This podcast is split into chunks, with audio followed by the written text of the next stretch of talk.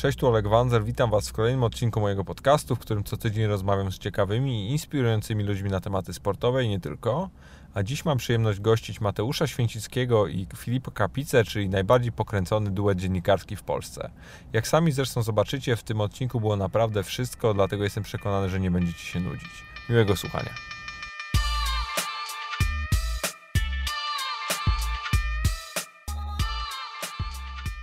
Najbardziej porąbany duet polskiej piłki nożnej. Mogę tak powiedzieć, czy nie mogę? Dobry To nam schlebia, dobry wieczór. Super, dziękujemy.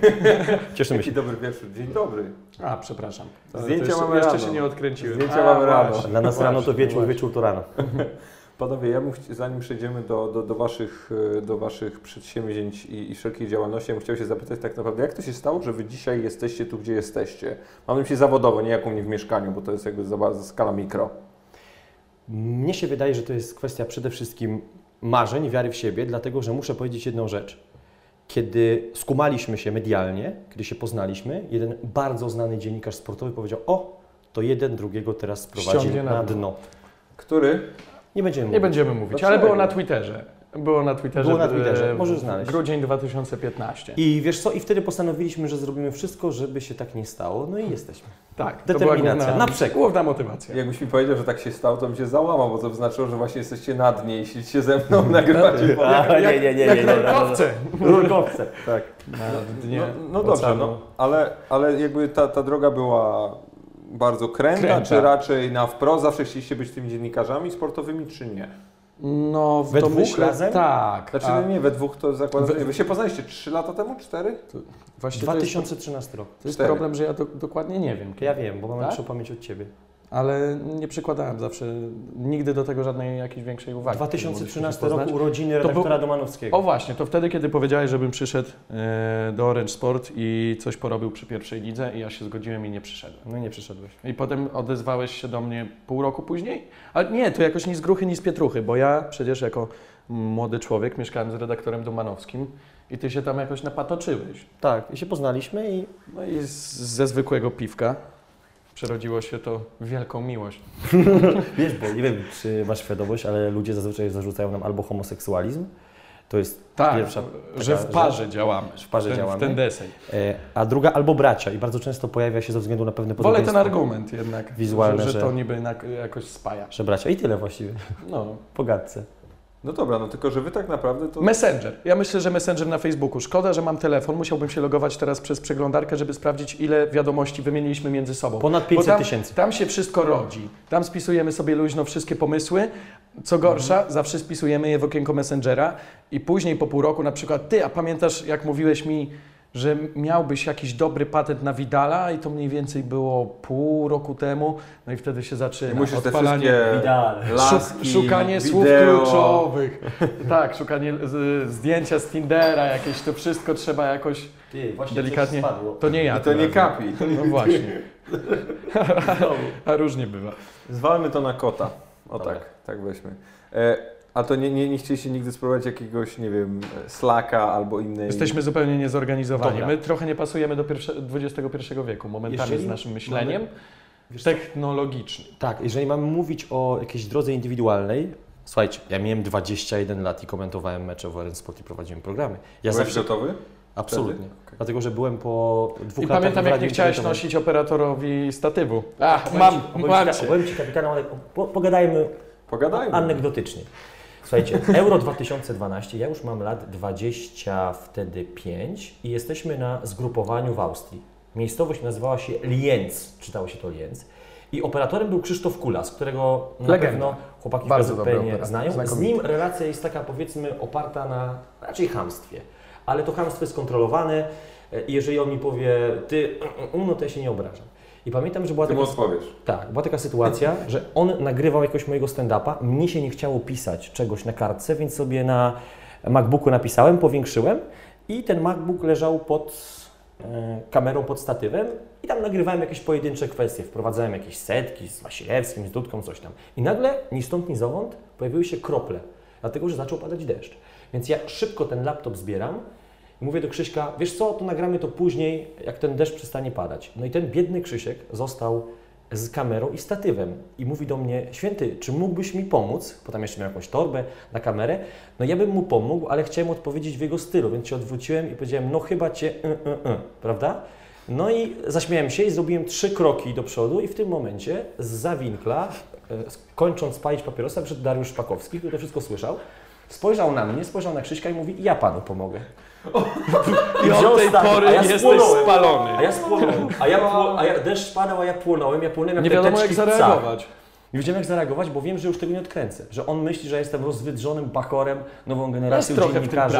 Ha, ha, I Krzysiek tak płakał ze śmiechu i mówi, dobrze ci tak, wreszcie się udało. I Karma tak było. wraca. Karma wraca, tak. Oczywiście, wiesz, chwilę później bym wrócił, wziął ten statyw, bo zawsze nosiłem, nie było z tym problemów, ale się zachowałem głupio. I jak spojrzałem na ten wzrok pana Szpakowskiego, którego bardzo szanuję i lubię, myślałem, Jezus Maria, już spalony, koniec, Andrzej Iwan, Typowy spalony. przedstawiciel nowej generacji dziennikarzy, zero autorytetów, nikomu się nie chce Ale to jest podporządkować. taka Wszystkich anegdota. tylko opluć. Tak, ale ta anegdota co do dziennikarstwa. Ja chciałem być dziennikarzem, bo nie miałem talentu do piłki nożnej, ja chciałem być blisko futbolu. Czy to przypadkiem się nie zaczyna tak samo u każdego? Bo ja z kolei chciałem grać w motorze Lublin jako młody ananas. Miałem wtedy 6 lat, tyle że ja miałem niedomykalność zastawek. Miałem wszystkie te zastawki uszkodzone i co roku jeździłem na badania serca i kiedy powiedziałem tam lekarce, że chcę pograć w piłkę, ona powiedziała, że nie i jedyne co pamiętam z tego dnia, co moja matka przypomina do dzisiaj, że stałem pod szpitalem i przez godzinę kopałem w śmietniki, a miałem 6 czy 7 lat, więc zachowywałem się już wtedy trochę nadpobudliwie, ale może nie będę akurat drążył tego. A wiesz, że jak masz zastawki niedomykające się i tak dalej, to ogólnie nie powinieneś pić? Czyli mogłem dobrze grać. No i właśnie. A nie ma futbolu bez alkoholu. No właśnie. Nie, słuchaj, podobno się z tego wyrasta. Nie muszę już chodzić na te kontrole coroczne. Albo po prostu podjąłeś decyzję, że nie chodzisz. No wiesz, Ja obstawiam lepiej, tę drugą opcję. lepiej nie wiedzieć. Ale nie, no mówmy po, o pozytywnych no, rzeczach. ale Olkowi też przecież zdrowie zniszczyło karierę. Właśnie. Tak. Jak się pozbierałeś? Wiesz co, ja trochę nie miałem wyjścia, bo chciałem, chciałem zdać maturę dobrze i pójść na studia i się dowiedziałem o tym w sumie tak, no, znaczy nie, nie, to nie była jakby finalna decyzja jeszcze wtedy, no ale były bardzo jasne symptomy i taką decyzję, jakby informację od, od Jacka Jaroszewskiego, wtedy doktora na Legii dostałem, że to było w grudniu, no że prawdopodobnie nie będę grał, no ale jeszcze zobaczmy, teraz się przeleczysz i za pół roku jeszcze raz spróbujesz. No ale ogólnie miałem, jest grudzień, mam 5 miesięcy do matury, do nadrobienia 3 lata liceum, nie? Więc no jakby powiedzmy takiej jakiejś, nie wiem, nostalgii czy, czy, czy negatywnych emocji to były ze dwa dni, a potem trzeba było usiąść i zapieprzać. A ty dobry byłeś na bramce? No, pytanie, co znaczy dobry? Wydaje mi nie, no, no nie, byłem dobry, na pewno byłem dobry. No, grałeś w tych wszystkich, grało się w tych wszystkich kadrach młodzieżowych, y, byłem tam tym najmłodszym bramkarzem w, i, w, i w Lechu, i w Legii w tamtym czasie, no to w pierwszej drużynie, więc zakładam, że tak. No tylko pytanie, wiesz, bo od cholery ludzi, którzy byli dobrzy w jakimś tam wieku młodzieżowym, a potem nie byli w stanie tego przekuć kompletnie. I No ale- jeżeli się mnie pytasz, czy nie wiem, Wtedy wszedłbym do bramki, byłbym jak Bartłomiej Drągowski, powiedzmy, tak sobie poradził, nie mam pojęcia.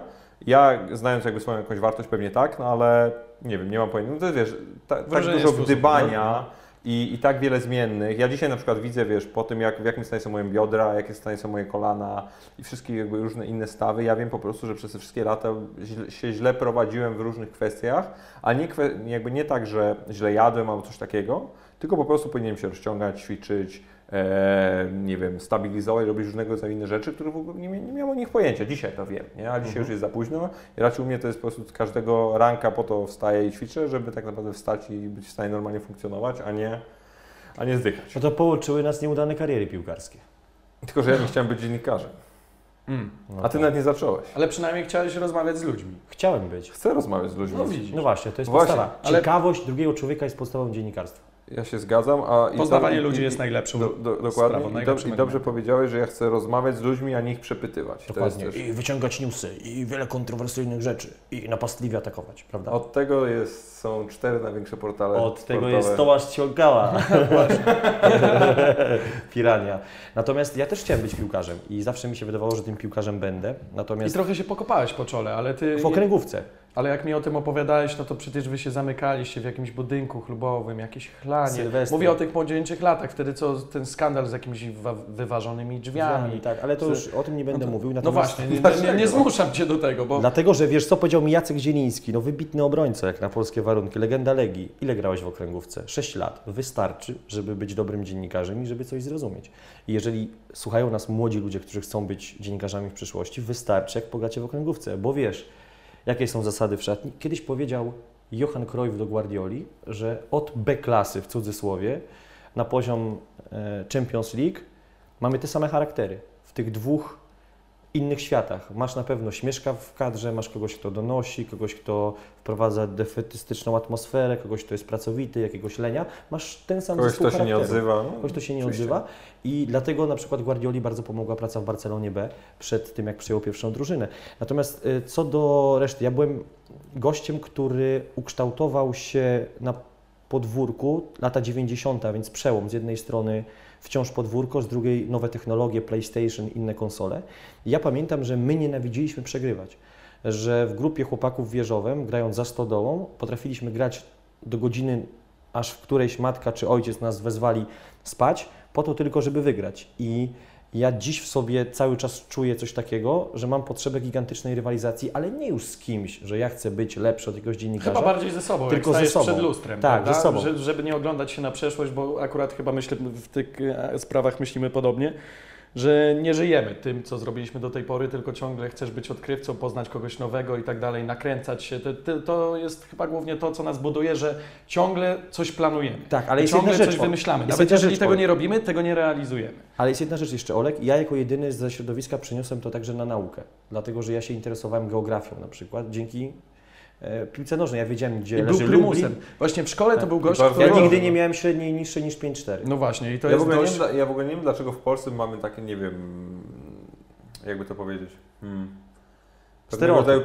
Stereotyp, ale bardziej przekonanie o tym, że jak ktoś się dobrze uczy, to jest nim źle. Ja mam takie przekonanie, że wszyscy w pewnym sensie oczekujemy tego, że ktoś się będzie uczył źle. Ale chciałbym go Nie, zobaczyć z etapu tej nauki. Podejrzewam, że rzucali go mokrymi gąbkami i Nie, zabierali dlatego, mu że kanapki, ja, skoro miał nie, 5, dlatego, że ja dawałem ściągać kumplom. Zawsze robiłem A. za nich zadania i tak dalej, tym samym wiedziałem, że trzeba się trzymać z każdym. Czyli taki Ale jedna rzecz. Don Vito, Kiedyś pamiętam, Grze... tyle że ze wsi. z Jeżowego, pamiętam, że kiedyś Grzegorz Mielcarski powiedział takie zdanie. Ze wsi No oczywiście. tak, ale no gdzie porównywać wioskę Corleone do...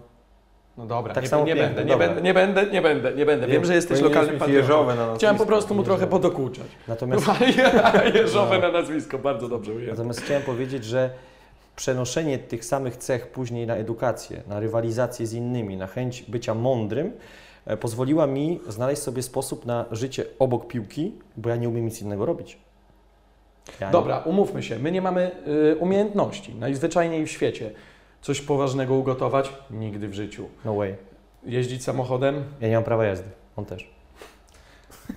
Nie umiem pływać. Nie umiem. Ja też nie? umiem. Super. Ale jeżdżę na rowerze w razie czego. No ja na też Veturilo jeżdżę. jeździłem w tym roku raz z Julkiem Kowalskim z naszej redakcji Eleven. No Bo tak, robiliśmy takie Wózkiem widłowym nie umiem późne zawody. jeździć. Wózkiem widłowym też nie. E, Ale nie, umiesz nawet, nie, nie umiesz nawet mieć e, porządku w życiu, mówię o takich prozaicznych sprawach, porządek w mieszkaniu. Tak. A wiesz, że to, to jest rzecz, która zawsze się sprowadza do stanów, no nie nazwę tego depresyjnymi, ale nie da się funkcjonować i normalnie pracować przy bałaganie, którym Tak. ty na przykład My mamy masz. duży dystans do siebie. Ja myślę, że w pewnym sensie ja mam świadomość, że jestem inwalidą życiowym w jakichś aspektach. Tak jest. To jest świetna autoreklama do tej pory. Tada! Możemy dalej wymieniać, możesz pytać, czy coś umiemy, czy nie. Na większość pytań odpowiemy, że nie. To, ty już z automatu powiedziałeś, że nie umiecie, więc No, zajęcie się to- piłką. to nie, wiem, czy to, Dobrze, że zaufałeś. nie wiem, czy to specjalnie dobry, dobry wiesz, Mogę coś- mogę za urkę piłce wystawia. Mogę coś powiedzieć? Pewnie. Ale to kochamy Słuchajcie, w bo, 100%. bo, o, muszę się pochwalić, ja mam genialną pamięć. I e, Kuba Wojewódzki napisał kiedyś taki artykuł w magazynie Filipinka, że jak człowiek nic nie umie w życiu robić, to to zostaje... zostaje na... dziennikarzem. Nie, Nie? jak człowiek nic nie umie w życiu robić, to zostaje nauczycielem. Jak Ach. człowiek kompletnie nic w życiu nie umie robić, zostaje nauczycielem WF-u i powołuje do życia kolejne roczniki ze skrzywieniem kręgosłupa. Ja tak mówię, że możecie sobie to znaleźć w Google'ach. A jak człowiek już kompletnie nic nie umie w życiu robić, kompletnie, dno to zostaje dziennikarzem. A moim zdaniem niżej na tym ostatnim stopniu piekieł udantego jest dziennikarz sportowy. I naprawdę tak jest. Tada! I co teraz? I co teraz? Podajemy Do- sobie do- ręce i wychodzimy. Dobrze wam z tym? Tak, Tak, no bardzo dobrze, dlatego że bez wahania. Pamiętaj o jednej, o jednej kwestii. Dlaczego Stańczyk, jako błazen królewski, bardzo mądry, inteligentny, mógł powiedzieć królowi, co chciał? Za coś, za co inni zostaliby skróceni o głowę. Dlatego, że robił za pajaca. Moim zdaniem robienie za pajaca, trochę pokazywanie ludziom, że jest się człowiekiem z całą paletą wad, powoduje, że ludzie mają większą tolerancję wobec Ciebie i więcej Ci wybaczają. Na pewno. Czyli mówiąc krótko, Wy sobie pewien sposób zapewniacie jakiś bufor bezpieczeństwa w Waszym ogólnym postrzeganiu. Dokładnie. No tak, chyba lepiej bym I ja w ogóle, wiesz co, ja na przykład umiem e, przyznawać się do porażek, śmiać się z własnych słabości. Jak A że te słabości się zdarzają regularnie, przecież y, poza pracą. Poza pracą, no to To wiesz, sam, sam widziałeś, kiedy wszedłem do ciebie i się przewróciłem o stół. No, mniej więcej to jest taka metafora mojego życia. no właśnie. I tak to wygląda. Panie Czyli Olku. codzienne Czyli funkcjonowanie wywracać, przychodzi nam z wywracać trudem. się z klasą. No wywracać się z klasą. Bo, bo nie, bo muszę Ci oddać, że wiesz, faktycznie skasowałeś ten stół, skasowałeś wazon, wylałeś wodę, ale fakt faktem nic się specjalnego nie stało. Wazon cały, stół cały, a oba są szklane. I dobre intencje. Kwiaty są całe wciąż. Dobre intencje. A to tak, mi się, mi się wydaje, że Wy to tymi dobrymi intencjami to bardzo często Dużo gracie. przeciągnęliśmy w życiu. Tak, Tak, ale wiesz co, powiem Ci, że na przykład to bardzo pomaga w kontakcie z ludźmi, dlatego że my jesteśmy niesamowicie otwarci, to jest naturalne. Że Nigdy nie musimy nikogo udawać. My nawet nie próbujemy być poważni, jak się z kimś spotykamy. Słuchaj, akcja A jeżeli dzisiaj. parę razy udawaliśmy, to oczywiście wszystko to później obracaliśmy w żart i w, w, tym osobom tłumaczyliśmy, że no przepraszam, musieliśmy Was oszukać na przykład z naszą znajomością języków. Jak jechaliśmy Dobra. do Dybali, bo, Bo ja zrobiliśmy ostrów bambuka brata. Że Filip mówi Paulo perfekcyjnie po hiszpańsku. Dobra, mniejsza z tym. Jedna rzecz. Dzisiaj, bo wpadłem taki pomysł, mówię do Filipa, wiesz co, zrobiliśmy tego Morre, to może zróbmy coś o Narcos. Zróbmy coś o Narcos, bo to fantastyczny serial, zawładną też naszymi umysłami. Spotykam się z moim kumplem przed właśnie przyjazdem do Ciebie i kumpel mówi, no widziałem go Morre, bardzo fajne i tak dalej. I a co teraz? Ja mówię, Narcos. Jest taki chilijski aktor, on się nazywa Pascal, nie pamiętam nazwiska, który zagrał e, e, agenta Penie. I on mówi, człowieku, przecież Narcos wyreżyserował gość... Pedro Pascal. Pedro Pascal. Gość, który ma polskie korzenie. Józef e, Kudyba. Nie, Józef Władyka Kubota, tak się nazywa gość. Ma polsko-japońskie Kudyba. korzenie. Tak. I to jest e, Józ, Józef Władyka Kubota, tak jest dokładnie. I to jest typ, który wyreżyserował Narcos. Wygląda oczywiście w związku z korzeniami japońskimi jak Japończyk. Dał mi do niego numer, ja jeszcze przed przyjazdem do Ciebie zadzwoniłem. Od razu, dzień dobry, jestem z Polski, bla, bla, bla. I widać u niego, bo on mieszka w Stanach, taką pozytywną energię, na dzień dobry. Spoko, nie ma problemu, wprawdzie jesteśmy teraz trochę zajęci i tak dalej, ale dajcie znać, wyślij mi maila, spoko, spoko. I zawsze na tak.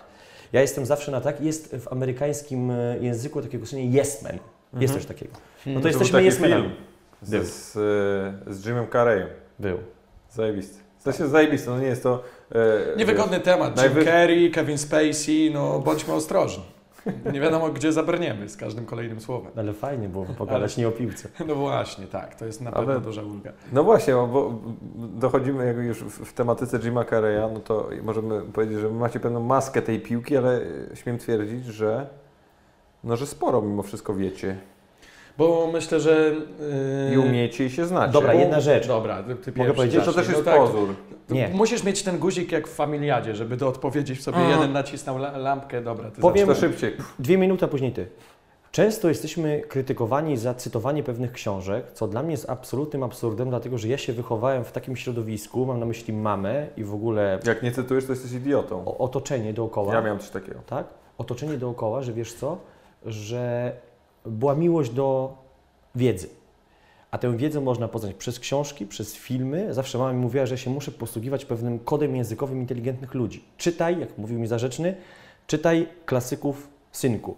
I to było bardzo dobre. I nagle dzisiaj, kiedy ja dostrzegam, że jakiś tam dziennikarz, komentator stacji X e, na Twitterze z komentatorem tej samej stacji naśmiewają się, że przeczytają wszystkie książki Lewandowskiego, może jakiś cytat zostanie w głowie, to ja nie reaguję, bo trzeba mieć klasę. Staram się wyrobić w dziennikarstwie, na Twitterze, w ogóle w mediach społecznościowych taki styl, żeby nie zniżać się do pewnego poziomu, bo ja muszę być mądrzejszy od innych. I ja ich nie rozumiem. Dla mnie to jest szok, że ktoś nie ma chęci poznania świata, bo dziennikarstwo to pernamiętna Permanentna. i tak per, permanentna i pernamiętna chęć poznania drugiego człowieka i wiedzy. I jak zwróć uwagę, obejrzysz na przykład serial The Crown, widziałeś? Na pewno. No, zajebisty. To ja nagle zacząłem czytać o Churchillu i po prostu, ja wiem, że dla Polaków Tam leży, na górze. Pierwsza, z góry. O Churchill. Bang! kapitalny, na przykład I kapi- druga i trzecia. kapitalny cytat. Nie mam okularów, więc nie mogę zweryfikować, ale później, Dobra. o ile nie przywrócę stołu, Kapi- tam się zakradnę. Kapitalny cytat z Churchilla, jeżeli nie masz odwagi, to wszystkie inne cechy i wszystkie inne cnoty okaże dupy rosnąc. I zmierzam do tego, że oglądając The Crown nagle poznaję historię Wielkiej Brytanii bardziej wnikliwie. Ostatnio mam na przykład fazę na czytanie wszystkiego o stanie wojennym i wiem absolutnie, może nie wszystko, ale mnóstwo rzeczy o elemencie polskiej historii bardzo ważnym, który ma nic wspólnego z piłką. Rok temu miałem na przykład zimą e, absolutną jakąś manię czytania o generale Kuklińskim, pułkowniku Kuklińskim, który, który moim zdaniem jako Jack Strong był Mhm. Ale jednym z najwybitniejszych historia, cudowna. człowiek, ludzi w e, historii Polski i człowiekiem, który absolutnie zmienił historię świata. I to jest coś naturalnego, że interesują Cię rzeczy, które może nie są związane z piłką, ale pozwalają Ci być coraz bardziej inteligentnym, oczytanym, no i po prostu bogatszym człowiekiem. Tyle, koniec.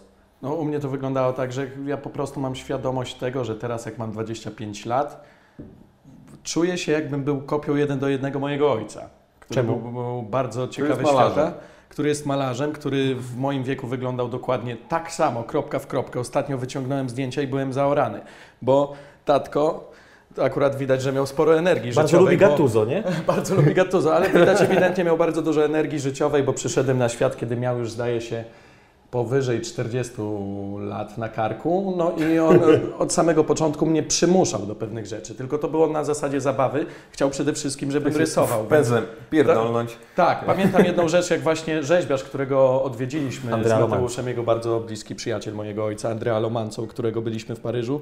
Jak miałem 5 lat, to farbą mi namalował wąsy, i, ale D'Artagnan i to była jedna z traum, które pamiętam do dzisiaj. Ale mniejsza o to, właśnie mój ojciec był mega ciekawy świata razem z moją matką, co przełożyło się na to, że w zasadzie zrobił sobie taką kopię ze mnie, że ulepił mnie z modeliny, tyle że nie poszedłem niestety w nic artystycznego, bo na komunie dostałem komputer. I to w ogóle był przełom w moim życiu, bo to rozbiło wszystko. Yy, Co więcej, ojciec nie chciał, żebym ja oglądał piłkę nożną. Akurat tutaj wyczuwam, że robił pewne blokady. Rzucał mi kolczatki pod koła, żebym przynajmniej nie- skończył w piłce, która mówił, że jest dla wulgarna, jest ordynarna, coś ten deseń. Wiadomo, artystyczny umysł to sobie jakoś to ładnie potrafił wytłumaczyć, ale zmuszał mnie do oglądania wyścigów od małego dziecka. Już w pieluchach pakował mnie przed telewizor, żebym oglądał Formułę 1. I to zaszczepiło we mnie mega zajawkę na to, żebym ten sport śledził i w zasadzie jemu zawdzięczam całe zainteresowanie tym.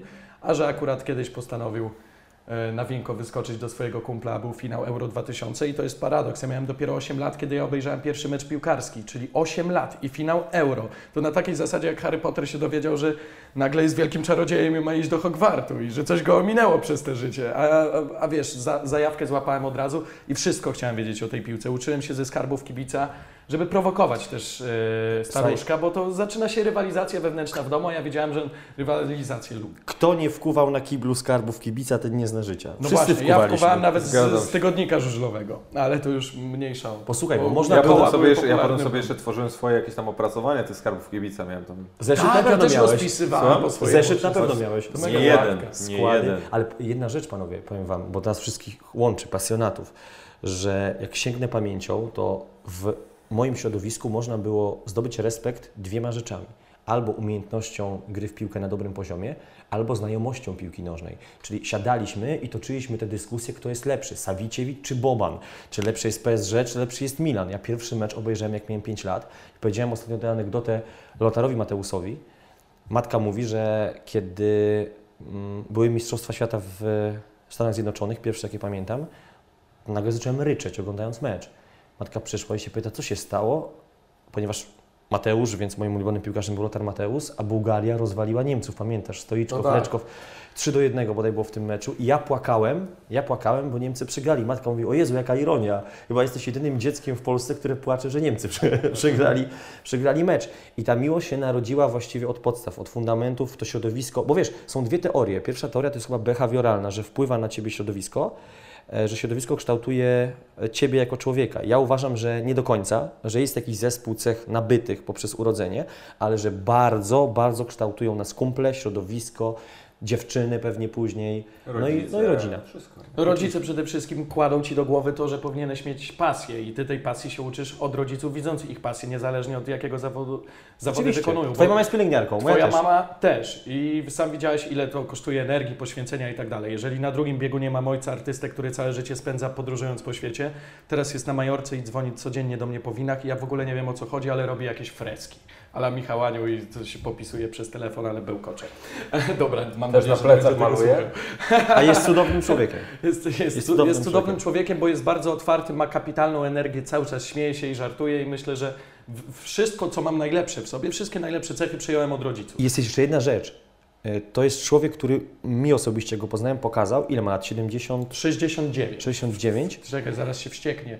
69. No. 69? Ale on nie wie na szczęście, ile ja mam lat i czasami myli moje imiona z moim bratem, który jest 15 lat starszy, Ale- więc to typowy artysta. Olek, jedna rzecz. To jest gość, którego nawet na moment nie dopadło zdziadzienie.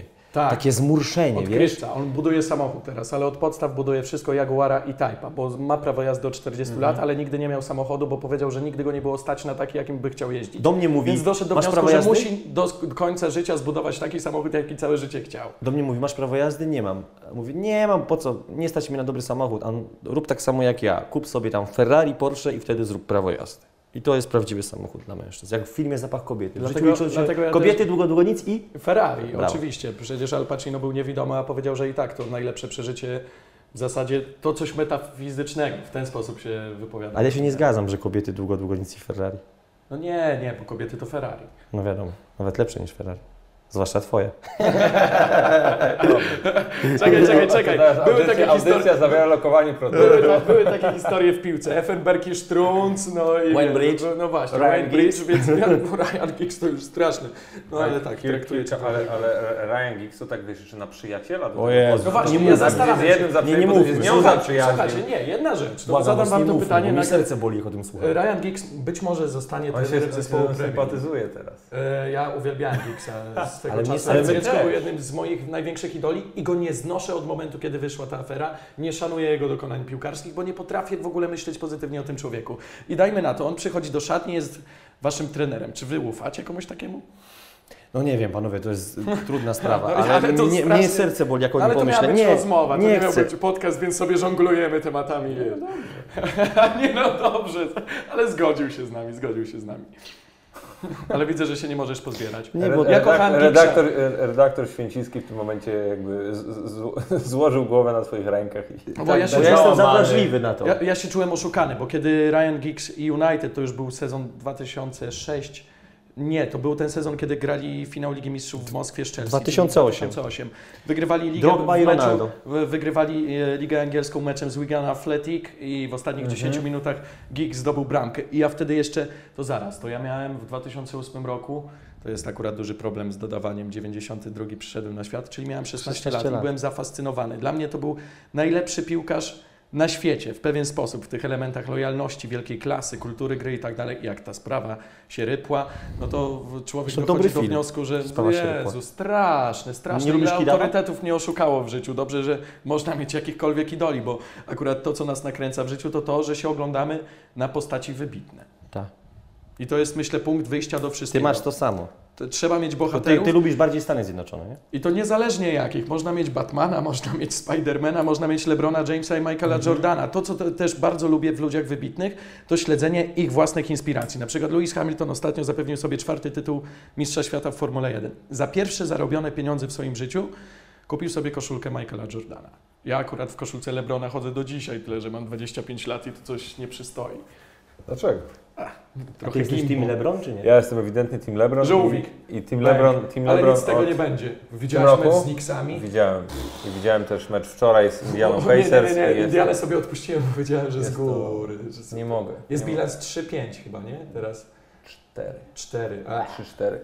Boli. E, W każdym razie, wiesz co, a propos Stanów, to... 3-5 już chyba po tej Indianie. Dobra, nie, nie, będę drążył, nie, ale chcę, nie, chcę, nie, chcę tutaj się, nie chcę się tutaj dołować. Y, Jeżeli chodzi o Stany, wiesz co, ja zawsze szukałem e, w pewnym sensie takich e, autorytetów, czy, no, czy, czy właśnie takich mówić bohaterów, którzy nie boją się mówić, że chcą wygrywać. Mhm. Ja w Europie zawsze miałem problem z znalezieniem takich osób, bo zawsze mimo wszystko mówienie o tym zwycięstwie było w pewnym sensie passé, albo takie nie wiem, troszeczkę niekulturalne, czy, no, na pewno w Polsce ogólnie nie, przysto, nie przystoi mówić o tym, że komuś jest dobrze, albo że ktoś jakby odniósł sukces, albo że chce ten sukces odnieść, albo że jedzie gdzieś i jest pewny tego, że po prostu wygra. Nie?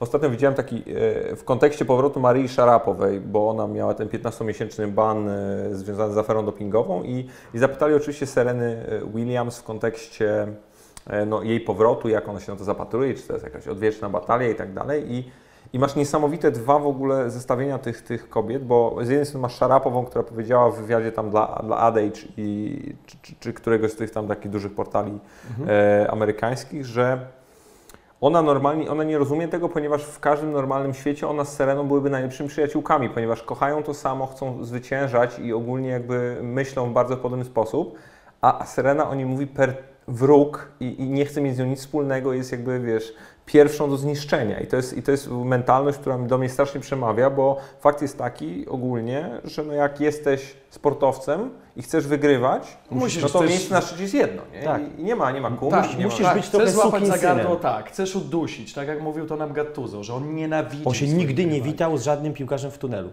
Nigdy nie patrzył mu w oczy, bo nienawidzi. na boisko. I to jest o tyle fajna mentalność, że ostatnio oglądałem taki filmik, kiedy Diego Costa, wtedy zawodnik Atletico i Pepe, wtedy piłkarz Realu Madryt się nawzajem wyzywali i e, La Liga, to się nazywa e, chyba Dia Después e, na YouTubie i oni się wyzywali, Portugalczyku, ty, ta, frajerze i tak dalej i słuchaj, i później po meczu podchodzą do siebie Oczywiście. i mówią, a bo to jest futbol. Dobra. No tak, tak, ale to też ciekawy obrazek kiedyś widziałem, który jest zupełnie trochę wyjęty z tego schematu. Peter Schmeichel przyjeżdża jako piłkarz Manchesteru City na derby. To było jeszcze na Main Road bodajże grane. United przyjechali wtedy jako goście.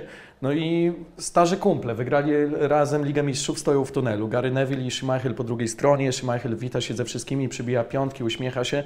Podchodzi do Gary'ego Neville'a. Gary Neville nie odwrócił głowy, nie spojrzał na niego nawet na ułamek sekundy. Podali sobie ręce dopiero na boisku.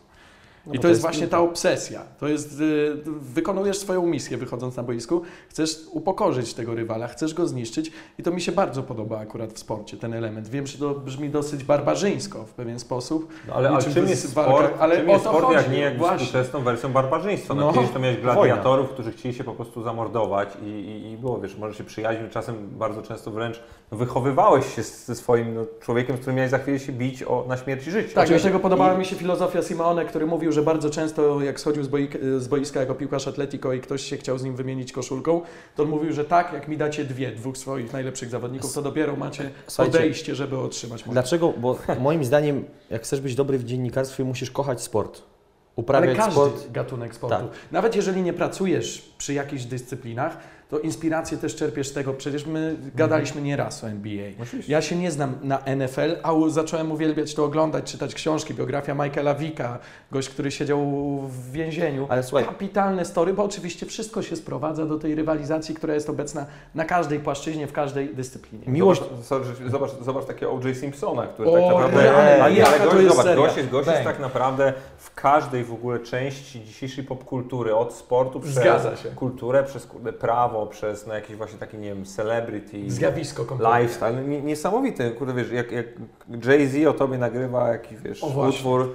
E, Ale to, to, to, zajebiste to Tak jak Jay-Z nagrywał o LeBronie i o Wade'zie w tym Empire State of no Mind, no tak, ja nie tak. wiedziałem w ogóle o co chodzi, a tam chodziło o porcję narkotyków, od numerów zawodników na koszulkach, że E, bo przecież Wade miał chyba, e, LeBron miał wtedy szóstkę, bo oni Wade grali... miał trzy, LeBron miał sześć. No właśnie, oni grali wtedy razem w Miami, więc tam chodziło o jakieś proporcje w tym, kto był lepszym dealerem, bo wiadomo, że Jay-Z był kiedyś dealerem, ale to się wiąże z fajnymi tak. anegdotami. Polecam jego biografię, jak on e, pisze State właśnie, of Mind? E, bodajże tak, jak on pisze o tym sprzedawaniu narkotyków, bo on sam, nie widać po nim akurat tego, żeby on sam zażywał. On akurat jest z tej innej bajki raperów, to jest przede wszystkim przedsiębiorca, którego bym nawet nie podejrzewał o jakieś straszne Jak rzeczy. Kiedyś... To nie jest Snoop Dogg, który z kolei cały dzień musi jarać. A Snoop Dogg, słuchajcie, ma fantastyczny podcast. O rano, no oczywiście. A kanał widziałeś na YouTubie? Ale który? Eee, a film komentuje UFC? A film na Netflixie? Nie, nie, nie. nie. Film na Netflixie w Jamajce. Na Jamajce, przepraszam.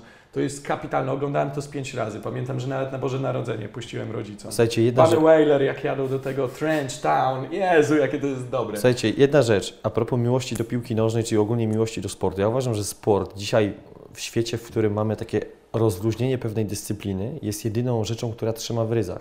Bo we współczesnym sporcie... Nie masz wojska.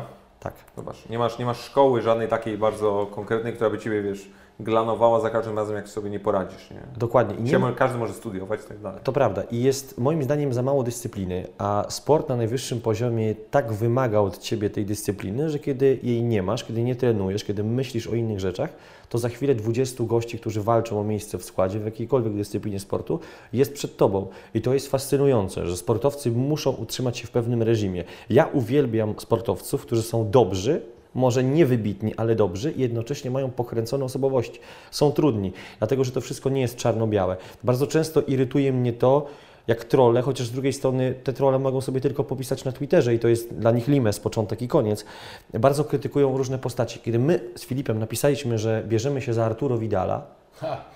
Który jest postacią na wskroś kontrowersyjną, mieliśmy od razu zalew hejtu. Po co. Vidal, alkoholik, No nie wiadomo, ma lepszych ro- piłkarzy. Rozbijane Ferrari po pijaku i Ale tak dalej. ludzie nie wiedzą, jak to jest fascynująca historia, i jaką on jest inspiracją dla wielu młodych ludzi. Przede wszystkim pokazuje, że jest człowiekiem. Jego O- pierwszy trener powiedział, że gdyby nie zaczął grać w piłkę, gdyby sam nie uwierzył w to, że ma do tego zajawkę, gdyby go nie próbowali szlifować, to na pewno by handlował narkotykami, co przecież potwierdza cała historia Jego rodziny. z Ale ile jego macie takich- ale- zamkniętą no tak. jako kartel. Ale ile macie historii takich w Stanach Zjednoczonych? No Przecież właśnie, tak, no, tam masz przy NBA to jest ale przecież przy też czynnik widoczny, NFL. Ale, ale NFL nawet... Baseballu, baseballu w ogóle nie śledzę, nie Ja- mam ja- bladego, nie znam żadnych osobowości. Ja też nie, ale w, w, w baseballu masz bardzo silną latynoamerykańską Tak społeczność jest. na przykład, więc tam jest jakby też Meksyk bardzo mocno, Meksyk, Honduras, mm, Puerto Rico, no cała ta, cała ta, mm, ta część. Ale jeżeli chodzi, wiesz, no, o, o tak naprawdę wychowywanie, czy tam rozwój społeczny w Stanach Zjednoczonych, to dla wielu tak naprawdę no, warstw, szczególnie z tych nizin, to sport jest jedyną możliwością w ogóle, byś ty zrobił ten skok. Jakkolwiek nie? funkcjonował. Nie masz, Tak, dzisiaj już nie jesteś, nie jesteś w stanie tak naprawdę w żadnym stopniu w ogóle i dojść do edukacji, która by ci pozwalała być w jakimkolwiek stopniu konkurencyjnym. O, Nie jesteś, w stanie, nie jesteś w stanie być, nawet dostać, nie mówię, że pracy takiej, wiesz, dorywczej, tak, nie jesteś w stanie jej dostać, bo na Twoje miejsce jest setki innych 100 razy bardziej, 100 razy lepiej wykwalifikowanych. Tak jest, tak I to, jest. ty, ty co masz, no to często, często widzisz swojego, nie wiem, kuzyna, ziomka, brata, ojca, kogokolwiek, kto ma jakby bardzo dużo pieniędzy, bo zarabia na narkotykach, więc już masz w pewnym sensie bardzo zakrzywioną rzeczywistość, jeżeli chodzi o autorytety, tak? No i widzisz, jak on żyje, chcesz tak samo żyć, wiesz, że w życiu nie będziesz tak żył, widzisz swoją matkę, która zapieprza na dwa etaty, nie ma na nic pieniędzy, ty masz pięcioro rodzeństwa i pytanie, co robisz, nie? I ja wam powiem taką anegdotę, jest taki były baseballista Bo Jackson, nie? On zresztą, on z tego co wiem, chyba też w futbol grał, jeżeli dobrze pamiętam. I, I słuchałem ostatnio podcastu e, Lensa Armstronga e, właśnie z Bo Jacksonem i, i on opowiada taką historię, że on był właśnie wychowany w, w jednopokojowym domu, bardzo malutkim, gdzie miał siedmioro czy sześcioro rodzeństwa, oni spali w pod, w, na podłodze w kuchni, ich mama właśnie pracowała na dwa etaty i oni mieli mega przesrane. I teraz jak ma czwórkę dzieci, według mnie mają jakby super zajebisty dom i tak dalej, on strasznie dba o to, żeby mimo wszystko wychowywać ich w pewnym reżimie. W nie? głodzie. Dokładnie. I słuchajcie, i opowiada historię, jak e, miał, miał, ma dzieciaka, który notorycznie zostawiał po sobie rzeczy. Po prostu, że tak powiem, rozbierał się tam, gdzie stał i, i szedł dalej, nie? Aż w końcu pewnego dnia zobaczył to po raz kolejny, wziął te wszystkie rzeczy w jedno miejsce, wystawił je na zewnątrz, podpalił, wziął, przywiózł dzieciaka ze szkoły, pod, po, podszedł z nim do okna i mówi, patrz, nie? Mówi, to są wszystkie twoje rzeczy, jak jeszcze raz zostawisz cokolwiek, będzie tam lądować, Kapitalna nie? Wziął jego, jego wszystkie pozostałe dzieci i jeszcze ich mamę i powiedzieć, jeżeli tylko jeszcze raz coś takiego zobaczy. Nie? Dobrze, ale ja Ci powiem jedną Mega rzecz. historia. To już wkraczamy w aspekty polityczne, ale króciutko. Czy nie uważasz, że dzisiejsza rzeczywistość, ja nie chcę oceniać dobra czy zła, każdy ma swoje poglądy po polityczne, socjalistyczne, trochę nie burzy porządku, bo to jest tak, że im Ty więcej pracujesz, im więcej zarabiasz, tym płacisz wyższe podatki. A ja zapytam dlaczego? Przecież Ty musisz wstać wcześniej, musisz się bardziej postarać, a Twój kumpel tego nie robi. Dlaczego Ty masz płacić wyższe podatki niż ktoś, kto nie stara się tak samo jak Ty? Jak Ty jesteś Przechodzę przez déjà vu, bo rozmawialiśmy na ten temat, jak lecieliśmy komentować Tak. Szalkę Bayern. Wielokrotnie. I cały dzień Wielokrotnie o rozmawialiśmy o dzień. życiu. Myślałem, że się nie odkręcę już do pierwszego gwizdka. Zaczęliśmy rozmawiać dlaczego. I Jeszcze Punkt jednak. wyjścia cytaty z Korwina. No ale to tak wiesz, ale Kor- tak, Korwin to w musieliśmy ogóle. najpierw sobie troszeczkę się rozkręcić i Ale, ale jedna zbudować rzecz. napięcie. Nie, mówmy się, że wariat. Natomiast chciałem powiedzieć. Ale przed tym całym swoim odjechaniem to jest niesamowite, bo co go słuchasz, to jakby widzisz tu jakiś ciąg logiczny. To jest dla mnie niesamowite, jak to jest możliwe, że ten gość Tak, doszedł. tak, ale brak w ogóle szacunku dla kobiet i tak dalej. To jest Nie, że żenujące. w ogóle brak szacunku do czegokolwiek. Mi chodzi o to, ja, ja słucham tego człowieka i się zastanawiam, jak to się stało, że on doszedł do takich wniosków, jakie... Tak, tym bardziej, że jest... ten, opowiada- Dobra, ale- jego schemat myślowy. Dobra, ale stop, ale... Dobra, nie, bo wie- wjeżdżamy. Tak, wjeżdżamy, bez sensu. Zrobiła się rozmowa po latach. Dobrze, dobrze, go wracamy, Chcia- Chciałem wracamy. jedną rzecz opowiedzieć. Dlaczego Vidal? Dlatego, że chłopak urodził się w rodzinie, w której ojciec podpalił łóżko, jak on spał z matką. W której ojciec wychodził W na sensie im... spał, y, spał. Vidal spał sobie z Ale mamą. spał, że spał, nie że... Tak, a ojciec podszedł pijany, podpalił łóżko, matka się obudziła i jakoś tego Artura uratowała. E, Jego wujek niestety na ulicach Santego zamarzł, Pijany. oczywiście pijany, bo tam e, ich zima to jest taka powiedzmy minus jeden, minus dwa, no czasami plus, plus trzy, plus cztery. Ale Kolejna wystarczy. sprawa. Ciotka, Dziadek, ciotka który utrzymywał rodzinę, jedyna pozytywna postać, Tak. jeżeli chodzi Dziadek o spadł z ciężarówki i został przejechany przez, Przez następne auto. Arturo Vidal jako sześciolatek został zatrudniony do obsługi stajni. Musiał wywo- wywozić nieczystości i zauważył człowiek, który był właścicielem tej stajni, że on ma bardzo silne nogi, coś jak Francesco Totti, więc Tak, bo może go tym się posłać. mówiło, że jak on miał już roczek i rodzina, rodzice pojechali z nim nad morze, to że ten dzieciak na piachu się w ogóle nie wywracał. I po roku, że był niesamowicie silny. I do czego zmierzam? Zmierzam do tego, że trochę oczywiście Arturo Vidal ma, ma mnóstwo problemów, przede wszystkim z alkoholem i tak Karmiony dalej. przez wilczycę. tak, dokładnie. I mnóstwo kłopotów w swoim życiu, zakrętów, natomiast e, jak on trenuje, bo zresztą fajną rzecz powiedział Chichi, który uczy mnie hiszpańskiego, że Vidal zawsze daje z siebie wszystko na boisku, jest nieprawdopodobnym zakapiorem. I ta osobowość mnie, mnie osobiście interesuje.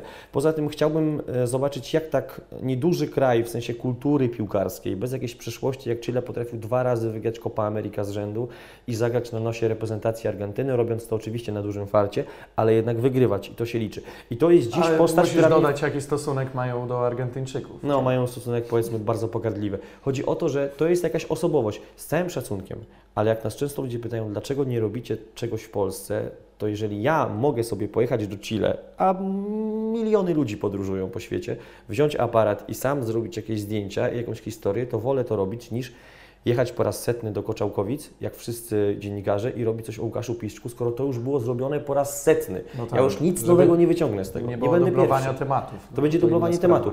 I umówmy się, że nieprawdopodobnie zdolna grupa ludzi z Polskiego Związku Piłki Nożnej, którzy są naszymi mentalnymi braćmi, bo myślą podobnie, To już Zrobi wszystkie to tematy wygramy te wszystkie tematy i my już mają. tego lepiej nie zrobimy. Ty, tyle, że my mamy nad nimi taką przewagę, że my sobie możemy zrobić wszystko i my na przykład robiąc powiedzmy film o Borucu możemy zamieścić problemy. Alkohol, Tak różne inne sprawy, e, Rozwód nadwagę i i tak tak dalej, a oni już nie mogą. Bo, dla, bo starają się zrobić coś pozytywnego, prawda? Robią to fantastycznie, potrafią robić rzeczy kapitalne, mam mnóstwo respektu, ale my mamy o tyle przewagę, że możemy robić rzeczy zagraniczne, jesteśmy niekontrolowani przez nikogo i możemy robić rzeczy, które są kontrowersyjne. No dobrze, no to pytanie zasadnicze i tak naprawdę takie, od którego chciałem zacząć 45 minut temu. W sumie, w sumie nie, nie wiem, nie wiem nawet ile. Mm, czym dziś jest to ten wasz twór Two Angry Men? O ile Jest w ogóle może tak nazwać. Budowaniem Wciąż. reputacji. Tak, myślę, że w Very pewnej mierze. braku. Tak, tak, tak. Jest kulawy, nie? Jest kulawy w wielu A skąd ta elementach. nazwa w ogóle? O, dobra. Jesteście ostatni, wy jesteście Dobra, ostatni, usi- który bym nazwał No, Angry. no właśnie. Siedzimy Ale sobie. byliśmy wtedy na etapie dużej frustracji życiowej, gdzie generalnie pluliśmy jadem w Wel rozmowach między sobą, tak. Tak. Obrażaliśmy ludzi w myślach, byliśmy jacyś tacy zupełnie niepodobni, nie w myślach. niepodobni do siebie, ale mieliśmy, e, poznaliśmy się ze względu na to, że mieliśmy gorsze etapy w życiu. Nie będziemy akurat e, rozwodzić się o tym, bo byśmy kolejną godzinę spędzili na ten temat, ale mm, należy sobie uświadomić, że byliśmy w bardzo kiepskiej kondycji psychicznej, a w takiej kondycji psychicznej się już nigdy później nie Ja też. znalazłem, podobnie Ty też. No i mieliśmy poszukiwanie alternatywy jakoś, jak się wykaraskać z bagna. Czyli trzeba zrobić coś, co przyniesie nam jakąś ulgę, będzie swego rodzaju katarzis, oderwiemy się od rzeczywistości, którą mamy na co dzień, czyli od razu przychodzi do głowy, że trzeba gdzieś wyjechać. Niezależnie, czy to będzie jeden dzień, czy dwa, czy trzy, trzeba się odświeżyć, kogoś poznać, Paris. przeżyć coś. No i padło wtedy na Paris, Paris, że dla niego Ljuboje, no już wiadomo, co No to żeby się oczyścić, to żeby do. Ljuboi jechać, to naprawdę musicie być kurde nieźle. No, oczyścić się duchowo i Tak. wyczyścić się z magnezu. Dał kopa. Ale, Ale jedna rzecz, bo tu Angry Men. Siedzimy, mówimy, dobra, robimy projekt. Jaka nazwa? Na pewno dobra, nie polska. odpalamy IMDb. Dobra, ale Kropka. słuchajcie, ale nie, mieliśmy, słuchaj, mieliśmy, w ogóle, nie, mieliśmy w ogóle bekę, wiesz dlaczego? Zwróć uwagę Olek, jak powstają jakieś cykle, na przykład felietonów polskim dziennikarstwie sportowym, to Z lewej mani. poprzeczka, Zerwany słupek, więzadła. zerwany więzadła, autu. rzut z autu, e, tutaj dobitka, kontra, Wiesz, to takie spalony na przykład, takie są, zwróćcie uwagę. Mówimy, nie no, nie będziemy tak robić, przecież to jest 4-4-2. 4-4-2, 4-8-5, przecież to że Ja w ogóle nie potrafię przypisać autorów, więc broń Boże, nikogo teraz nie, nie obrażam, obrażam. ale tylko- lewa Mańka to Tomek Zieliński, Tak, którego kochamy, to nasz jeden, brat. Jeden, no właśnie, mój E, przyjaciel. I jed, jedna, Do grobowej deski. jedna sprawa. I ja akurat oglądałem film po raz kolejny 12... Świąki miał po angielsku. Co miał? Casual. Casual Friday. Aaaa, No to tak, jest jednak protoplasta. No to was- Ale miał później. E, Do czego zmierzam? Do tego, że ja oglądałem po raz... Ale musiał, ale ale zabolało, musiał mu zabolało, zabrać. zabolało, Musiał mu zabolało, zabolało, Ale zapiekło. oglądałem po raz kolejny w życiu film 12 Angry Men, który ze względów budżetowych toczy się praktycznie tylko w jednym pokoju. 99%. Kto nie oglądał, stracił dużo w życiu. I mówię, ty, Kapi, zróbmy tu Angry Men. No znaliśmy, znaliśmy to i d- trzeba dodać, że jeszcze tak sobie przyjrzeliśmy po tym, co lubimy na imdb.com i tak usiedliśmy, no patrz, wyrzucasz jedynkę, zostaje Ci dwójka w nazwie i to już można połączyć i Jakoś mamy. A nie chcieliśmy mieć wygląda. polskiej nazwy ze względu na to, że jak zwykle, jako marzyciele wyobrażaliśmy sobie, że to będzie coś globalnego, że będziemy właśnie obracać się wśród obcokrajowców, więc w zasadzie akurat ten efekt jakoś osiągnęliśmy.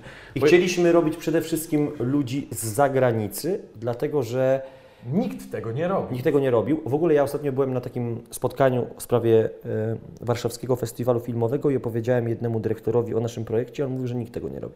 Że on jest przekonany.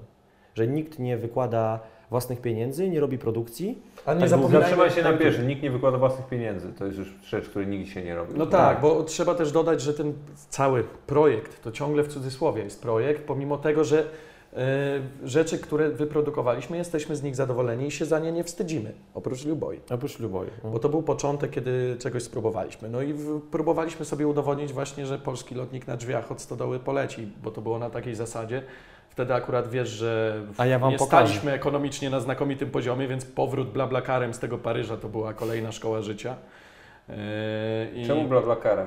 No bo nie mieliśmy, nie hajsu. mieliśmy, nie mieliśmy hajsu. Postawialiśmy mieliśmy... Drinki w najdroższym klubie w Paryżu, gdzie I nas wydaliśmy zabrał. wszystko absolutnie, co mamy, a chcieliśmy mu się zrewanżować za to, że on nas wziął gdzieś i zobaczyliśmy, że o, drogo, drogo, drogo. No, ale Znaczy on też postawił, go- żeby nie było. Tak, bo on, on właśnie zaczął od stawiania, no A później mówi, no, no, no, już no, no, później no. dwóch, dwóch słaniających się na nogach dżentelmenów nie było ciężko podpuścić, zwłaszcza, że my chcieliśmy się jakoś A odegrać. tam Edinson Cavani w tle. Pamiętam tylko Still Dre, ten, ten kawałek, że coś kompulsywnie podrygiwałem i urwało mi film. ale, ale to była znakomita impreza. Kompulsywnie. A wy, a wy myśleliście w ogóle kiedyś, żeby o was zrobić film? Bo Nie, to- nigdy. Ja się nigdy nie no zgodzę. Nie. W życiu. Po pierwsze, bo, bo to umówmy się, że my nie chcemy, żeby ktoś. Wiesz, o, jak, jakby to Bo nazwał my jesteśmy trener y, Napoli, że to jest masturbacja. masturbacja intelektualna. Nie wiem, czy zwróciłeś uwagę, bardzo często jest tak, że, dzie, się, no że, że dziennikarze, dziennikarze bardzo często lubią e, robić coś o sobie, a nas interesują inni ludzie. Więc się czujemy trochę skrępowani, że jesteśmy... Nie, no o nas takich śmieciach robić film, no bądźmy No poważni. Nie, no porwał. nie, ja mówię, gadać z ja nami, mówię, to- to i tak raczej- jest Ja mówię, czy raczej wy zrobicie o sobie film, bo jakby ja, ja was totalnie widzę w jakiejś formie vlogowej albo w czymś takim. Bo na Nie. przykład, ja, ja na przykład jestem, bardzo bym chciał zobaczyć takiego, nie making of albo takie Making drogę, ofy drogę do Kapital. drogę do Akurat Chile, drogę z Chile i ten Na przykład bójka na dworcu w Paryżu. Saint-Lazare, gdzie doszło do jakiegoś konfliktu pomiędzy nami i nasz operator akurat e, miał iPhone'a Pomiędzy 6, wami? więc na, tak. nagrywał to My na slow motion. ze, ze Bo, y, na slow motion to nagrywał, a my zaczęliśmy się jakoś kłócić, nie wiadomo zupełnie, bo wiadomo, że nie byliśmy akurat stuprocentowo trzeźwi, nazwijmy to sobie o piątej nad ranem na jednym z największych dworców w Paryżu. Ja pamiętam, że zdjąłem z siebie płaszcz, rzuciłem go na tory kolejowe, stewardzi się zbiegli. Ale to się zmieniło. Ale to się... W sensie zabrali płaszcz z toru? Jacyś imigranci przerażeni patrzą na nas. Tak, tak. Ja Bo my często rzucać- odgrywaliśmy takie scenki, że kiedy czuliśmy jakieś zagrożenie ze względu na to, że no, czasem spacerujesz taką uliczką, w jakiej nie chciałbyś się znaleźć.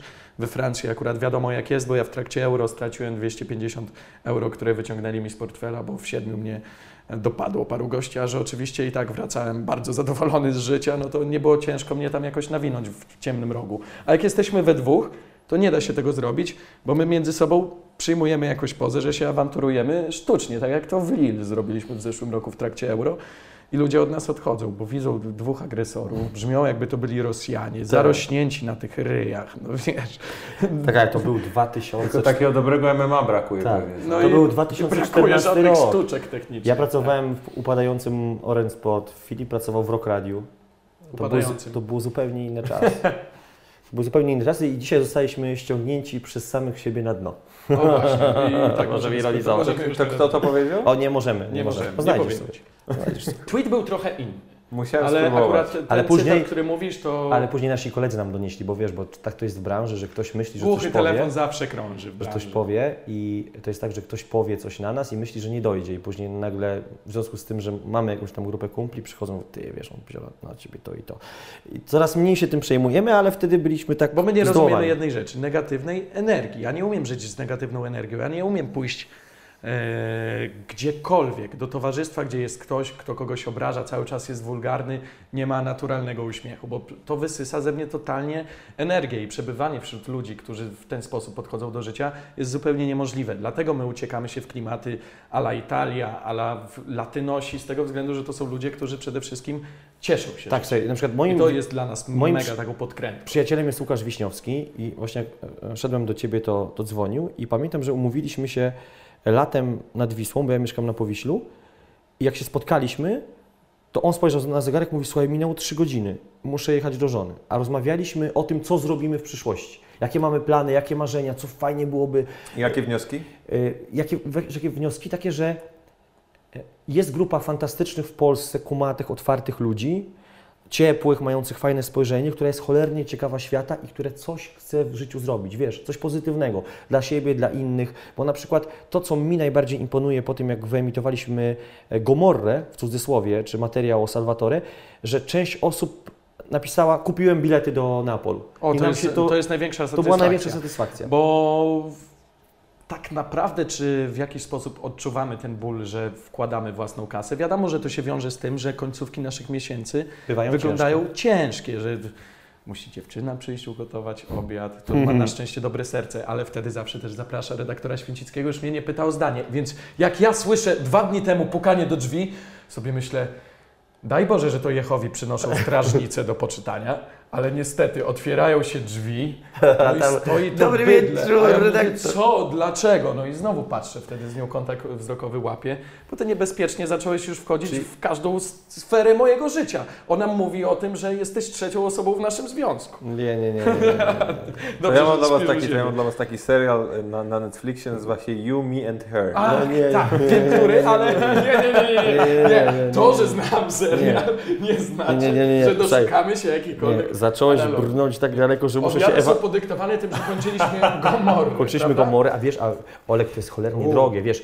Je, jeden utwór muzyczny kosztuje 50 zł, Troszkę tego a nawaliliśmy. 20 utworów zostało użyte w e, materiale. Żeby wykupić drona, co chłopaki O, z Neapolu rany. to zrobili, to No jest dlatego to 1000 1000 złotych. 18 miesięcy. To Wiesz, to jest jesteśmy w co miesiąc, to w ogóle, ca... myślę, że cały projekt Gomory zamknął się w około 20 tysiącach złotych, ludzie tego nie rozumieją, ale idę na Legię, wszyscy mówią, oglądałem, bardzo dobre, podobało mi się. Chodzi o to, że to też buduje jakąś reputację, a poza tym ja mam już świadomość, możemy powiedzieć z Filipem, zgłosiła się do nas firma X, że chciałaby nam wypożyczać sprzęt. I to już jest dla nas jest dla nas potężne zejście z kosztów. oczywiście. to jest boom. To Tak. jest dla nas 50%. Jeszcze znajdziecie firmę, która was tam wyśle już, E, tak, tylko że wiesz co, ja się obawiam ale trochę- zgubicie bilety i będziecie do kędziora dzwonić. Powiem Ci, tak. dlaczego, się, dlaczego się obawiam deali? Dobrze jesteś przygotowany. Dlaczego się obawiam deali? Dlatego, że Mam déjà vu, jakbym odbył tę rozmowę ogólnie. nie? o, e, obawiam się deali, dlatego, że ktoś będzie chciał coś na czas, a to jest, wiesz, że bardzo trudne. Ktoś będzie chciał deadline ustalić, a to jest bardzo skomplikowane. Znaczy w waszym przypadku. Mhm. Mhm. Nie, bo my doskonale odnajdujemy się w takiej rutynie, że pokomentować mecze, z góry wiemy, kiedy one są, mniej więcej mamy przewidywania, co może nam się przydarzyć do robienia, więc akurat po, potrafimy sobie cały tydzień podporządkować wokół pracy. Czasami to sprawia, że akurat właśnie nie mamy czasu już dla siebie i pojawia się element zmęczenia, dlatego też się wydłuża produkcja czegoś takiego, bo skoro robisz to na własną rękę, to nikt Ci na to nie przydzieli godzin, że sobie usiądźcie i pajacujcie we dwóch przy komputerze, a... Nikt by się nie zgodził czekać 18 miesięcy w No życiu. nie, w życiu. Ja mam do Ciebie pytanie święty w sumie, bo Ty o tym powiedziałeś, jako no tutaj fan y, ordnungu szeroko pojętego i, i takiej właśnie etyki pracy i, reżimu, tak jak powiedziałeś, że tego nam obecnie brakuje. Jak to jest możliwe, że, wy, że Ty jesteś tak nie, niezorganizowany, albo Wy jesteście tak niezorganizowani już? O, to dobrze, Wrzucałem Was do jednego worka. Pytanie, bo ja teraz mogę To też jest trochę mit. elegancji. To też jest trochę mit i Ale zostałeś poza. wrzucony do jednego worka. No wi- wiadomo, my trochę podkręcamy też, że to nie jest tak, że Słuchaj, nie leżymy zobacz, w tonie Odpowiada, śmieci. No. odpowiada. A dobra, a, to, to pytanie do Ciebie. Dobra, okej, co, to, ale... te, to też jest trochę mit, dlatego że słuchaj, ja na przykład miałem 14 dni z rzędu pracę i miałem dużo meczów do skomentowania, między innymi mecz Manchester City Wolverhampton, drużyn, które nie śledzę regularnie, chociaż oglądam około 20 meczów w tygodniu, głównie w powtórkach. I to jest tak, Bo że nie masz kiedy oglądać meczów, jak nie w powtórkach, bo sam komentujesz te komentujesz. mecze. Dlatego ja też się łapię na tym, że początek tygodnia, od poniedziałku do środy, okej, jeszcze poniedziałek mamy bardzo napięty, to nie mam dopiero wieczorami, jak wracam z Eleven, wtedy odpalam sobie zawsze mecz Manchester United, co traktuję jako rytuał od lat. I chodzi o to, że nie jesteś w stanie bez dyscypliny, bez e, takiego poświęcenia się w 100% mm, tej robocie, być na dobrym poziomie, a ja po prostu chcę to robić dobrze, najlepiej jak tylko umiem. Jestem bardzo krytyczny wobec siebie. I zmierzam do tego, że to mnie tak pochłania, że ja nie mam czasu na nic innego. Że ja nie jestem w stanie robić dwóch rzeczy naraz. Czyli I- mogę Ci się wtrącić Nie, teraz? czy nie, nie, daj mi skończyć, bo cały czas mi przerywasz. Nie, on mówi, Dobra. że nie umie robić dwóch rzeczy naraz. I teraz- Może mi tak. odpowiedzieć i tobie odpowiadać. Okej. I, I teraz zmierzam do tego, że często Łukasz Wiśniowski mówi do mnie, znalazłbyś sobie dziewczynę, a ja mówię, słuchaj, ja mam tyle roboty, że nawet nie chcę jej zatruwać życia tym, co, Dlatego co, się, kapity zatruwa. co się dzieje, ale, ale uważam, że jest Tak, to na przykład, komuś zatruć, to źle, dlaczego nie? uważam, że jest to defekt, że jest to pewien minus osobowościowy, jest to bardzo trudne, bo wiesz, wiesz co jest łatwe? Ja uważam, że każdy głupi może być dobry w swojej robocie, bo to jest bardzo proste, bo w pracy jak dajesz z siebie maksimum, to masz profity. Tak jest. Jak się Powtarzalność, ilość godzin, warsztat. Tak. O warsztat, 10 tysięcy godzin, Ale teoria. ewidentnie. Oczywiście. A w życiu osobistym już nie. Bardzo często jest tak, że jak dajesz z siebie dużo, to często z powrotem tego nie ma.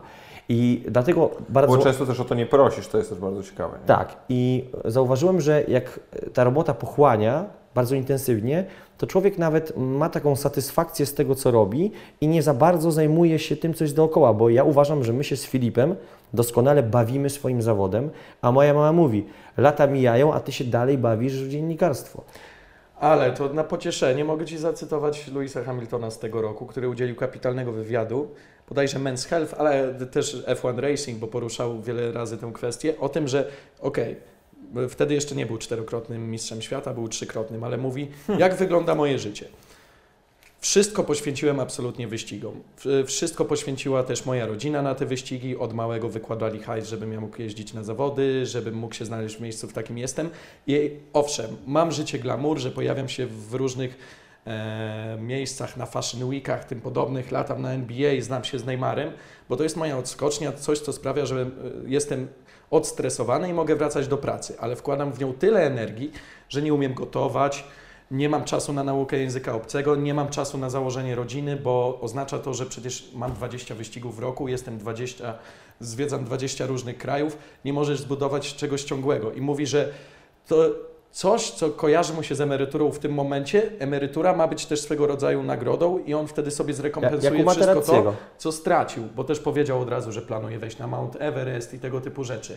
Wybitni sportowcy potrafią właśnie tak sobie podzielić to życie i dostrzegać, że przynajmniej jest to światełko w tunelu. No wiadomo, przy ich statusie publicznym, no wiadomo, że się za, powinno zawsze spadać na cztery łapy, ale doskonale wiesz, jako fan NBA, jak kończą postaci typu Allen Iverson, Antoine Walker. Ale nie, ale zobacz, ale, ale, ale, ale Niverson ogólnie sk- spadł na cztery łapy, bo to w jest... jakiś Bo, bo ma deala z Reebokiem na 30 ale nie, lat. Nie o to chodzi, nie. Zobacz, on teraz jest, on teraz jest twarzą tych, tej, tych, tych, tych turniejów Ice Cube'a, trójek.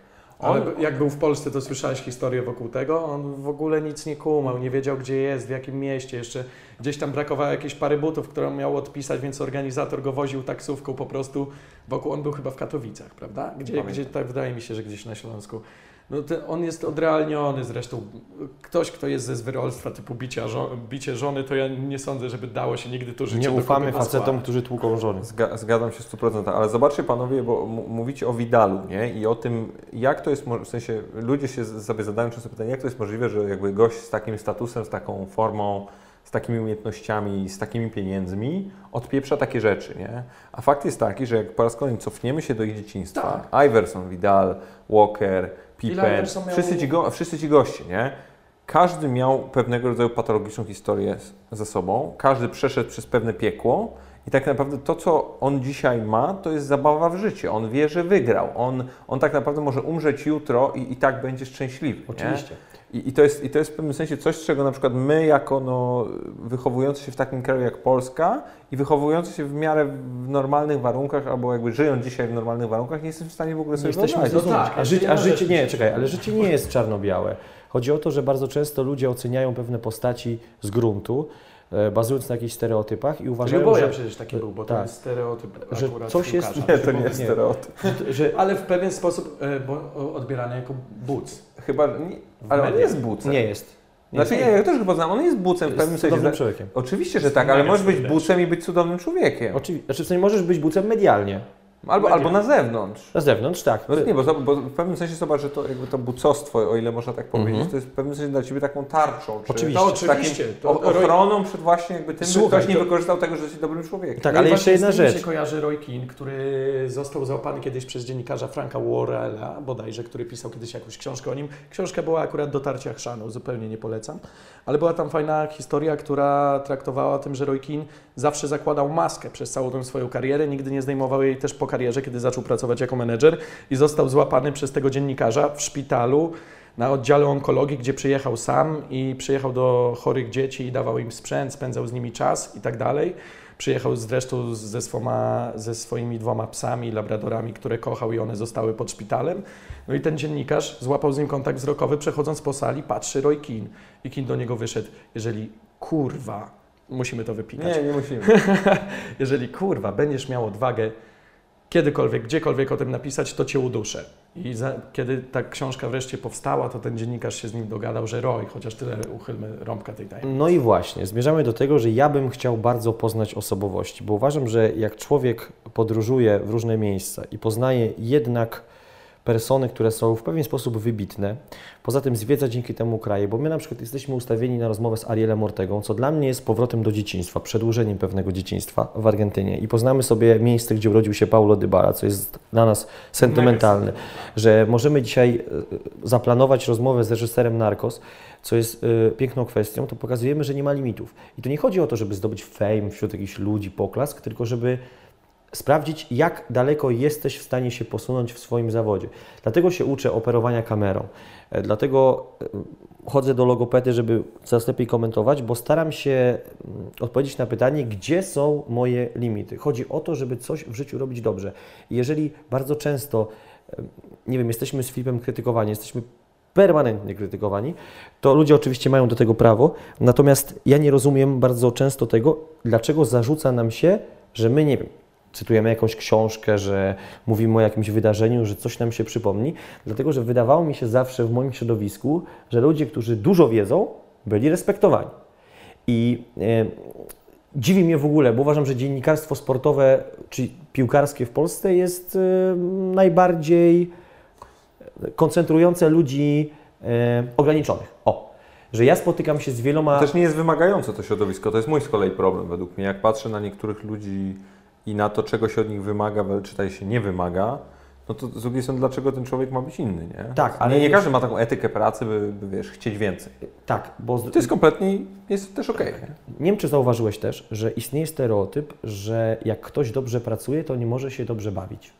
A ja uważam, że może się dobrze bawić. Co że... pokazują, ka- każdy nasz wyjazd to pokazuje. Tak. Tylko, że my o tym nie opowiadamy później, bo, Bo nie, bo też nie chcemy, bo, nie, opowiedzcie. chcemy, nie, nie chcemy dobra. też za bardzo przeginać, no, ale zawsze jest element imprezy. Zawsze Dobrze, każdy- trzy największe odjazdy z Waszych wyjazdów. Powód był Palermo to największy. Kiedy zabrałem y, pijane kluczyki dybali, biegałem po ulicy i za, zaczepiałem różnych ludzi, że a, wsiadać do mojego Porsche, w międzyczasie tańce na ulicy, ty dający mi kopa w cztery litery z całej siły, jak gdzieś wywracający się na chodnik, te klucze wypadają.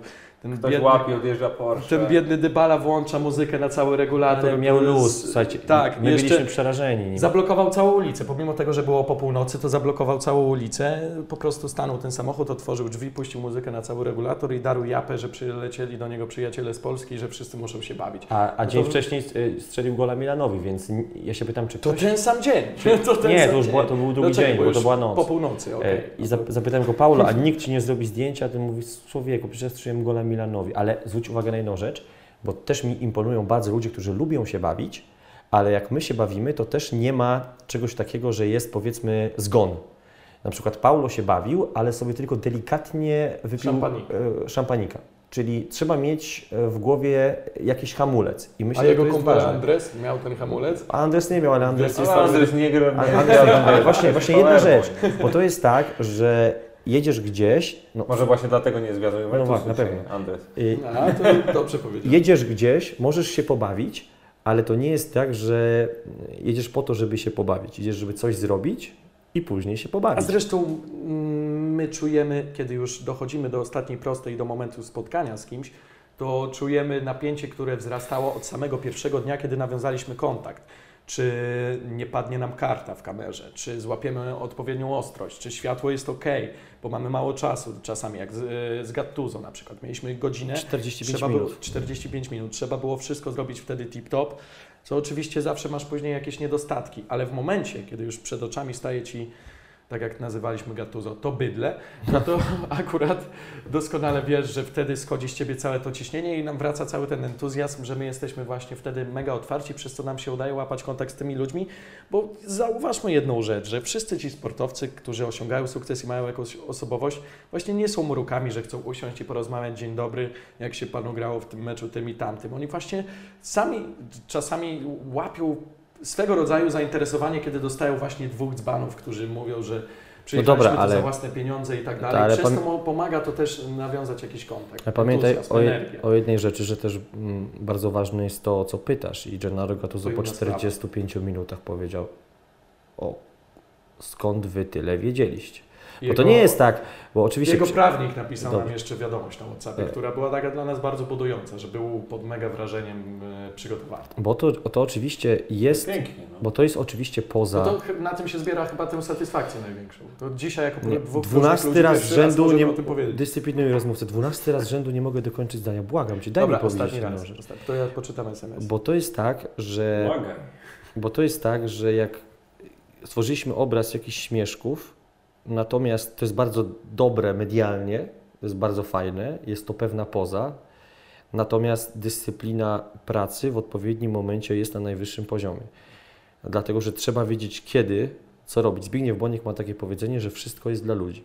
Ja się z tym absolutnie zgadzam. Wszystko jest dla mądrych ludzi, tylko trzeba znać proporcje. I bardzo często jest Albo tak, czas. Tak, i ludzie bardzo często myślą, że jak gdzieś jedziesz, to się nie możesz pobawić, nie wiem, na przykład po pracy. Rzeczywiście, że możesz. Każdy to, każdy normalny człowiek to robi. Wejdź na Instagram Neymara. Wejdź na Instagram Daniego Alvesa. Mega profesjonalista. Mówi, Evre. słuchajcie, mówi, mówi, Ale to już dobra, to jest E, ekstremum. mówi lekarz Paris Saint-Germain, że Dani Alves ma organizm 18-latka, a przecież ciągle się bawi.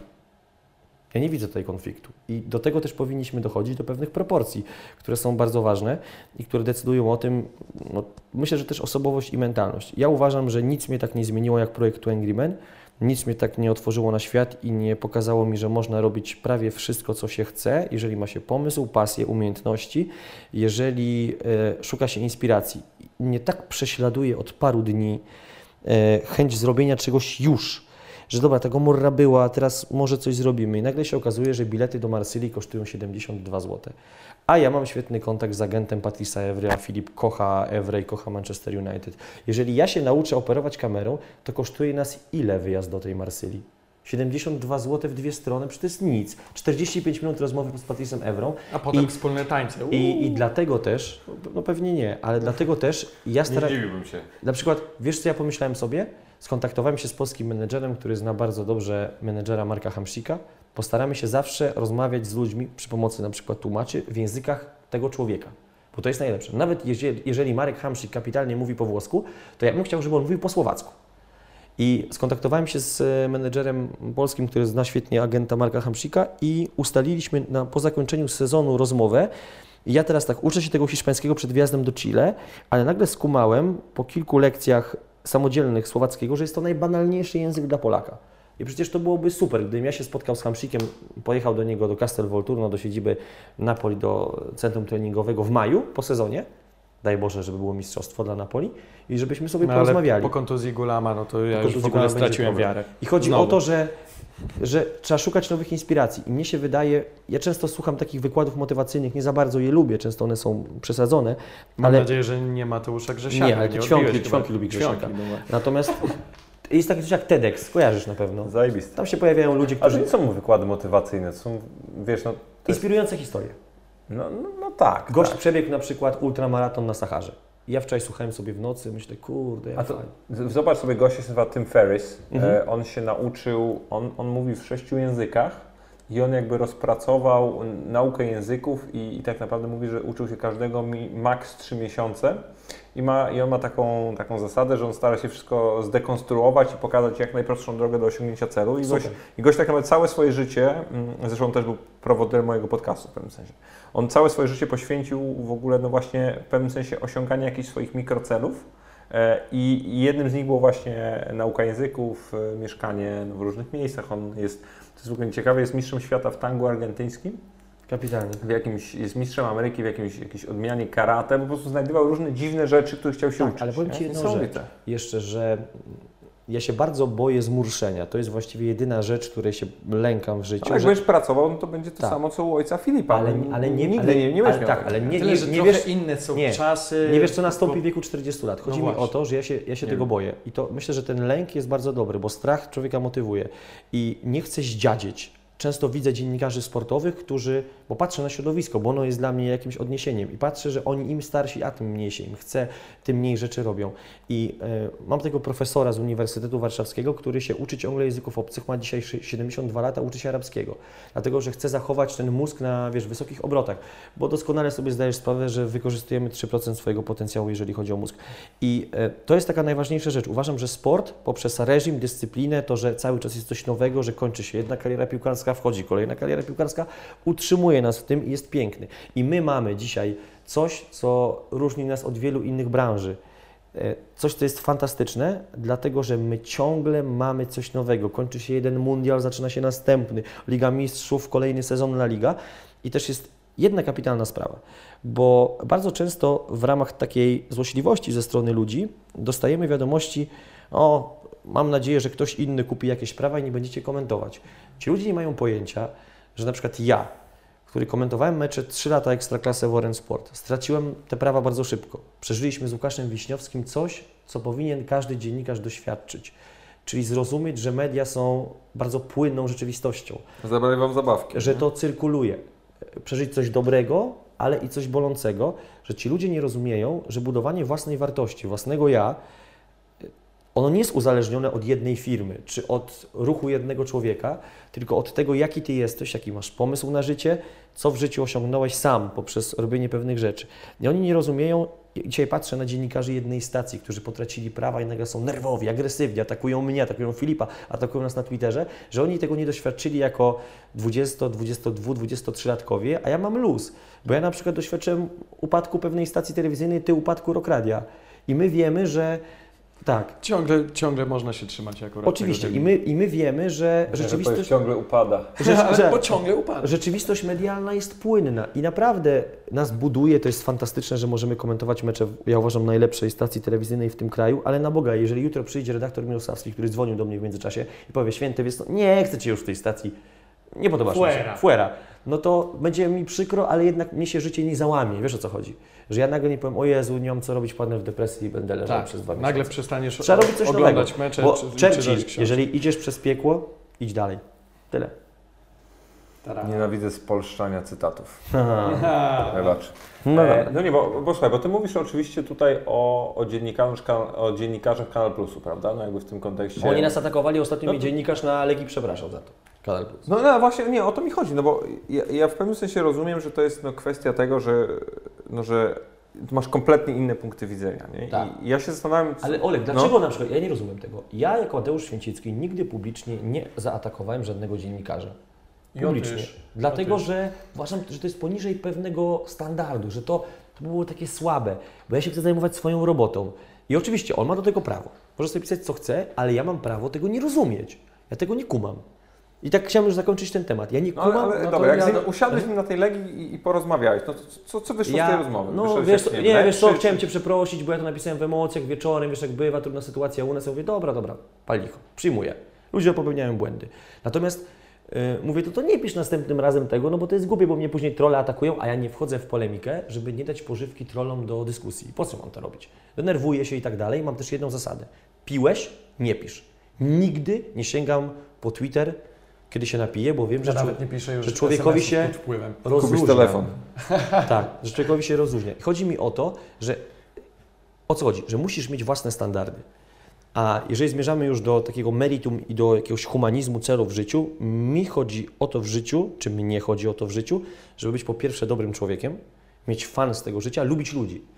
Bo ja tak kategoryzuję. Ale to inne dlatego osoby. robimy razem te rzeczy, bo mamy to samo podejście. Akurat, lubimy ludzi, lubimy Akurat się cieszę się, że nie muszę zabierać głosu od kilku minut, bo ty mówisz i tak to, co ja bym powiedział. Nie możesz tworzyć duetu z kimś, jeżeli się nie rozumiecie w takich sprawach podstawowych. Wiesz, na przykład jeżeli macie zupełnie inne osobowości. Chodzi o to, żeby lubić ludzi. Chyba, że macie skrajne, bo to też czasem działa. Czasami Jesteście też. kompletnie różni, a jakby właśnie zbieracie się w, tym, w tej pracy. Tak, ale zwróć uwagę na przykład, że chodzi o to, żeby lubić ludzi, ale też nie wiem, czy masz takie wrażenie, że osoby zadowolone z własnego życia, mające, w, nie wiem, życie na dobrym poziomie, zadowolone z siebie, nie atakują innych. Nie tak, atakują. to nie, to, to 100%. 100%. No bo one są tak zadowolone No tak. z siebie, mają kumpli, Jasne, tak. szukają pozytywnej energii. Zwróć uwagę, że sportowcy też szukają często pozytywnej energii. Na przykład Zlatan spotyka się z Joshuą. Widziałeś, jak mu Ale, kibicował? ale to jest zdjęcie świetne, jak Jest. te rękawice mu przekazał, zajebiste zdjęcie. Kapitalne. Widzisz, bo oni się nawzajem inspirują, wiedzą, że to są pozytywni Wielcy ludzie. sportowcy y, lubią Jest, Dlaczego jest, nas takie tak- piękne, jest takie piękne zawsze, mm, jak to, to hashtag czy tam podpis, y, mm, który jest zawsze no, okraszane zdjęcie, jak widać P. Diddy'ego i, i właśnie Jay Z jest Mhm. podpis taki greatness recognizes greatness. Nie? Tak jest, Ale- tak ale- To jest. jest ale jedna to, nie? Jedna sprawa jeszcze, Olek, puentując, z- zwróć uwagę, że gdzie nie pojedziemy, to zawsze ci ludzie do nas piszą.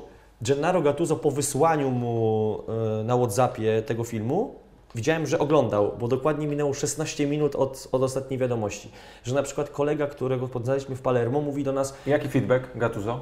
E, bardzo mu się podobało, podziękował, napisał, że całusy i tak dalej i że jak będziemy w Mediolanie, żebyśmy się odezwali, żebyśmy przyjechali do niego. Bo on teraz Do jest tej restauracji na obiad. E, Posteria San Rocco. Jeż, jeżeli nie, dostaliśmy żadnej negatywnej opinii, dostaliśmy tylko raz od agenta Dybali, że długo trwało, ale fajne. Natomiast, e, natomiast Tak, bo przecież w pewnym momencie wstydziliśmy się w ogóle odzywać do Paulo, bo... Ale on mówi, no, ale E. dobra, no. on napisał jakieś takie bo, bolu, boludos określenie, czyli no, skurczysyny generalnie, nie? no, coś, coś takiego. Ale jedna rzecz, a propos tego, ostatnio właśnie odezwał się kumpel, który nam pomógł w Gomorze, załatwieniu kontaktu z Salwatorem, mówi, panowie, znakomite, mówi, wiecie, kto jest moim największym kolegą w Paris Saint-Germain? Kto? Marco, Marco Verratti. Verratti. Może coś? Mówi, kurde, no Verratti, w ogóle kapitalny piłkarz, no, no fajnie byłoby, ale, ale może, może daj nam czas. Ja na przykład uważam, że nie ma lepszej motywacji do nauki języków obcych niż projektu Angry Men, bo ten znajomość języka bardzo skraca, bardzo skraca dystans i ten projekt my możemy robić w każdym miejscu na świecie. Czy będziemy mieszkać w Nowym Jorku, czy będziemy mieszkać w Rumunii, możesz ten projekt robić Czyli wszędzie. co, my już się tak będziemy razem do grobowej deski męczyć? No chyba tak, chyba. No chyba nie ma wyjścia, Ale musi gotować. ale fakt faktem potrafię sobie wyobrazić to, że robimy coś razem za 10, za 15 lat. No, to chyba na tym polegają przyjaźni, że one trwają, przyjaźnie, że pole, trwają dość długo, a raczej Ale wie- światopogląd nie, wiem, czy- będzie na tyle rozbieżny, a zawodowo i tak chcemy podobnych rzeczy. Ale nie wiem, czy zauważyłeś jedną rzecz, kończąc już, że mm, bardzo często trzeba szukać nowych inspiracji. Nie robić na przykład jednej serii rok, bo to zabija, bo rutyna Tak hamuje jest. postęp.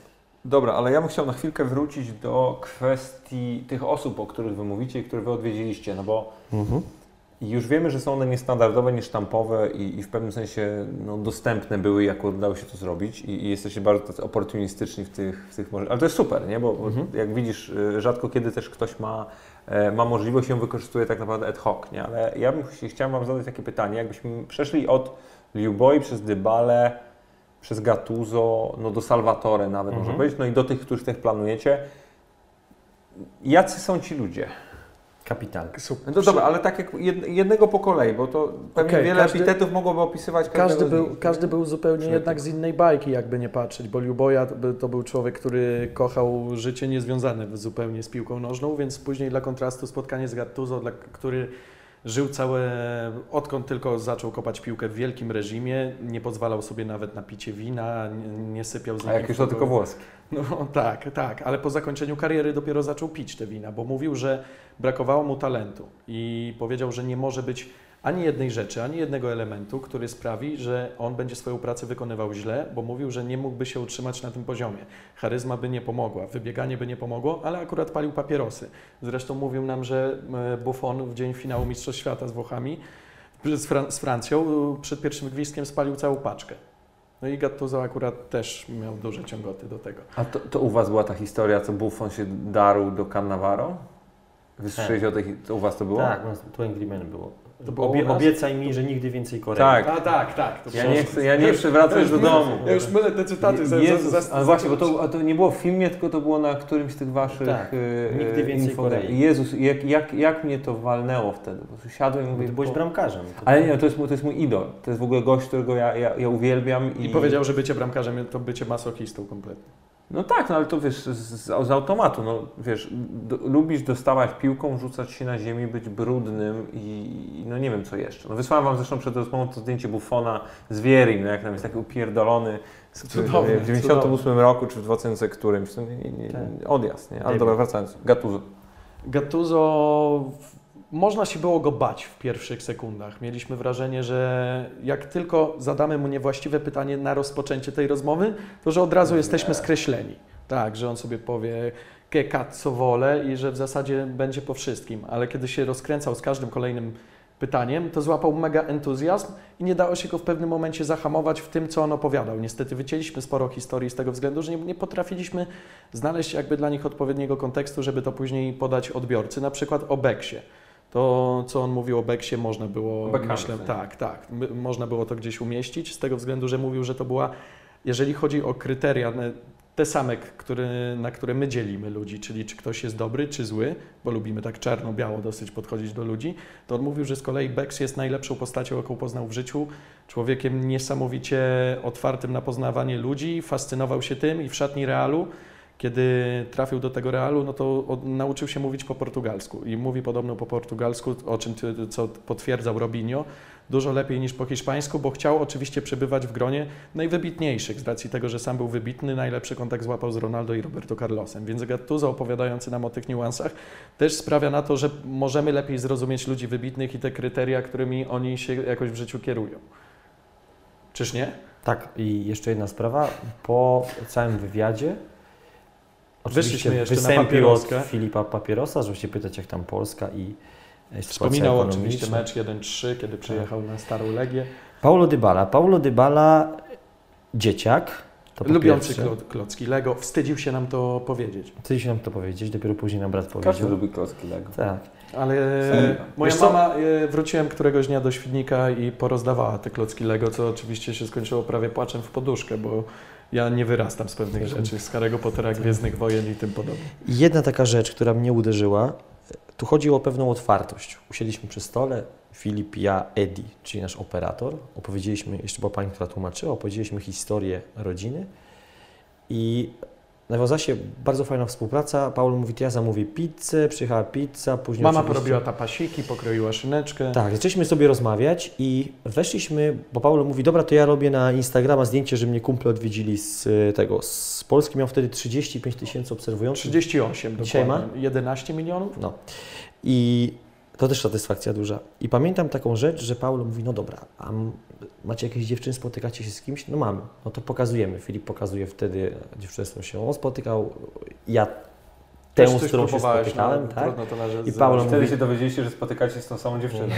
Nie, ale bo ja miał taką sytuację, że kiedyś mi pokazał, mówi, to była a, moja największa miłość w Polsce i pokazał mi jej zdjęcie, a ja mówię, ale mój kolega ją, a on na to, kto to jest? I od Tak. razu śledztwo, wyciąganie, wiesz, nie Ale- dowierzał, że ktoś też mógł mieć do niej podjazd jakikolwiek, że ją zdobył. I Paulo Bo mówi, w ten sposób podchodził do kobiet, Mówimy- dobrze wiesz, jakie miał podejście, No, bo tak, go poznałeś. no dobra Paulo, ty masz Antonellę, mieszka w Buenos Aires, teraz jest Buenos. No tak, tak. I panowie. zaczęliśmy go muki, wiesz, zaczęliśmy mu dawać w ramię, kłamiesz, muszą być Musisz- musisz mieć- jesteś do- gwiazdą palenia. Dobra, dobra panowie, to powiem wam prawdę. I wyciąga z kieszeni. Tu jest telefon nieoficjalny. I zaczął pokazywać fotografie. Dziwne fotografie No zaczął nam I rzeczy jasne jak już wszedłeś na taki poziom, a później złapaliśmy taką zajawkę, że szukaliśmy sobowtórów w klubie i zaczęliśmy mówić, że ten jest Mauricio Sarri, ten, jest jest Simone Simone Zadza, Zadza. no to się tak otworzyliśmy, zresztą on później mówi, że on chce, żebym ja jechał z nim w Porsche. No to ja wszedłem i tłumaczył Robiliśmy hokejowe zmiany. mi, i tłumaczył mi, co, co na, na, na czym polega określenie la botinera w Hiszpanii, czyli dziewczyna, która biega za piłkarzami. Botino to but do gry w piłkę nożną, botinera, czyli taka, która kocha e, piłkarzy. A wtedy Tak, było głośno ze względu na w- Mauro Icardiego. Która rzuciła Maxiego Lopeza dla Żeby- Icardiego, Icardiego. pomimo tego, że się przyjaźnili. I wiesz co, i zapaliśmy taki fantastyczny... Kolejny gigs. Kolejny, tak, tak, kolejny. i zapaliśmy taki bardzo fajny Ale kontakt. też fascynujący. Takiego Icardiego to my byśmy bardzo chcieli zrobić. Tak, i w ogóle go lubimy, mniejsza z tym. Ale chcę powiedzieć, bo tam historia jest po biografii Mauri Cardiego niejasna, tym bardziej, że Walter Samuel, Javier Zanetti i Diego Milito wspierali bardzo Icardiego i e, Maxi bardzo tłukł e, Wandę, na przykład nie kontaktował się z dziećmi i tak dalej, więc historia nie jest czarno-biała. Znowu zmierzamy do tego, że świat nie jest czarno-biały. Natomiast muszę powiedzieć, że to, to się nawiązała taka relacja między nami, która dzisiaj dla mnie jest trudna, dlatego że jest jedynym piłkarzem, któremu ja kibicuję jak dziecko. I przeżywam bardzo jego mecze, nie jak dziennikarz, chociaż gdy komentuję, to nie mam problemu, żeby powiedzieć, że Paulo zagrał beznadziejnie, bo to jest naturalne. I No- mamy za każdym razem okazję do tego, kiedy tylko zakłada koszulkę reprezentacji Argentyny, a tak się składa, że często w Często duecie komentujemy te i to jest dla nas coś wyjątkowego. Mamy taką osobliwą relację, powiedzmy, przyjacielską z jego bratem. To jest I zawsze jak komentujemy Argentynę, to zawsze na Whatsappie robimy grupkę tego dnia, wysyłamy mu zdjęcia z dziupli i I to, to jest, zaczynamy naszą to napinkę. jest coś bardzo sentymentalnego. Ja uważam, że piękniejszej przygody my już nigdy w życiu nie przeżyjemy dziennikarskiej, bo to jest też Jeden trosze- uścisk dłoni od Messiego. Bo to jest, Ale czy w ogóle możemy mówić o dziennikarskiej już w takiej sytuacji? Tak, dlatego że wiesz co, że to jest coś, po pierwsze było to trochę polskie, czyli znalezienie rodziny, a poza tym e, chwyciliśmy chłopaka, który, ten symbol Instagrama jest piękny, 35, 38 tysięcy, dzisiaj 12 milionów, zrobił jednak e, dużą karierę, nie mieliśmy nosa i ja zobaczyłem, jak fantastyczna atmosfera panuje w rodzinie, w której nie ma ojca, bo umarł na lekat szóstki, jak oni się kochają, jaką miłością otoczyli nas, taką, taką naturalną, że dopytywali się później, czy przyjechaliśmy, czy wszystko w porządku. Zawsze się Mariano pyta, jak w naszych rodzinach. To, to też jest niezwykłe, jak się To czujecie. jest pierwsze pytanie, jakie od niego dostajesz, kiedy go spotykasz, Czy bo ja wszystko w porządku, go czy spotkać wszyscy zdrowi i tak dalej. I to nie jest, to takie, to nie jest takie powierzchowne Tak. how are you amerykańskie, Tak, nie? dokładnie tak. I się- faktycznie chcą się dowiedzieć. To jest Tak, to jest niesamowite i też y, bardzo cenią jedną rzecz. Powiedział mi to Mariano, kiedy pojechaliśmy do Barcelony i też Tomek Świerka był, że nie zawracamy dupy Paulo, że nie chcemy się tak jak gdyby y, ciągle... Ogrzać. Nie chcemy Tak. tego blichtru I też, całego. I też powiedział Mariano jedną rzecz, już tam po paru piwkach mówi, wiesz co, mi zaimponowaliście jednym, że wy w ogóle jak przyjechaliście do Palermo, to trzymaliście się cały czas ze mną, a nie z Paulo. Że ten Paulo był ok, był gdzieś tam, ale niech sobie on rozmawia z piłkarzami, Bo swoimi bliżej kumplami. charakterem nam do Mariana, Zdecydowanie, Mariano jest naszym który jest kumplem. dojrzalszy, który właśnie Zna życie. Pełnił rolę ojca Paulo, jakby nie patrzeć, pamięt- kiedy ojciec zmarł i sam próbował grać w piłkę, co nie powiodło się z wielu przyczyn. A to już wiem, czemu się dogadujecie. Tak. I, i, i jest gościem, i jest gościem który, jest. którego, który budzi takie pozytywne skojarzenia. Mamy regularny kontakt. Teraz po tej, nie wiem, po ponad miesiącu hiszpańskiego już mogę sobie z nim coraz lepiej porozmawiać o, o głębszych rzeczach. I chodzi o to, że my wiemy, że oni też lubią to, co my robimy, bo to jest dla nich, dla nich fajne. I zwróć uwagę jeszcze na jedną rzecz. Gdyby ktoś mi odnalazł rodzinę w Polsce, przedstawił całą historię i pomógł, to to też bym go lubił.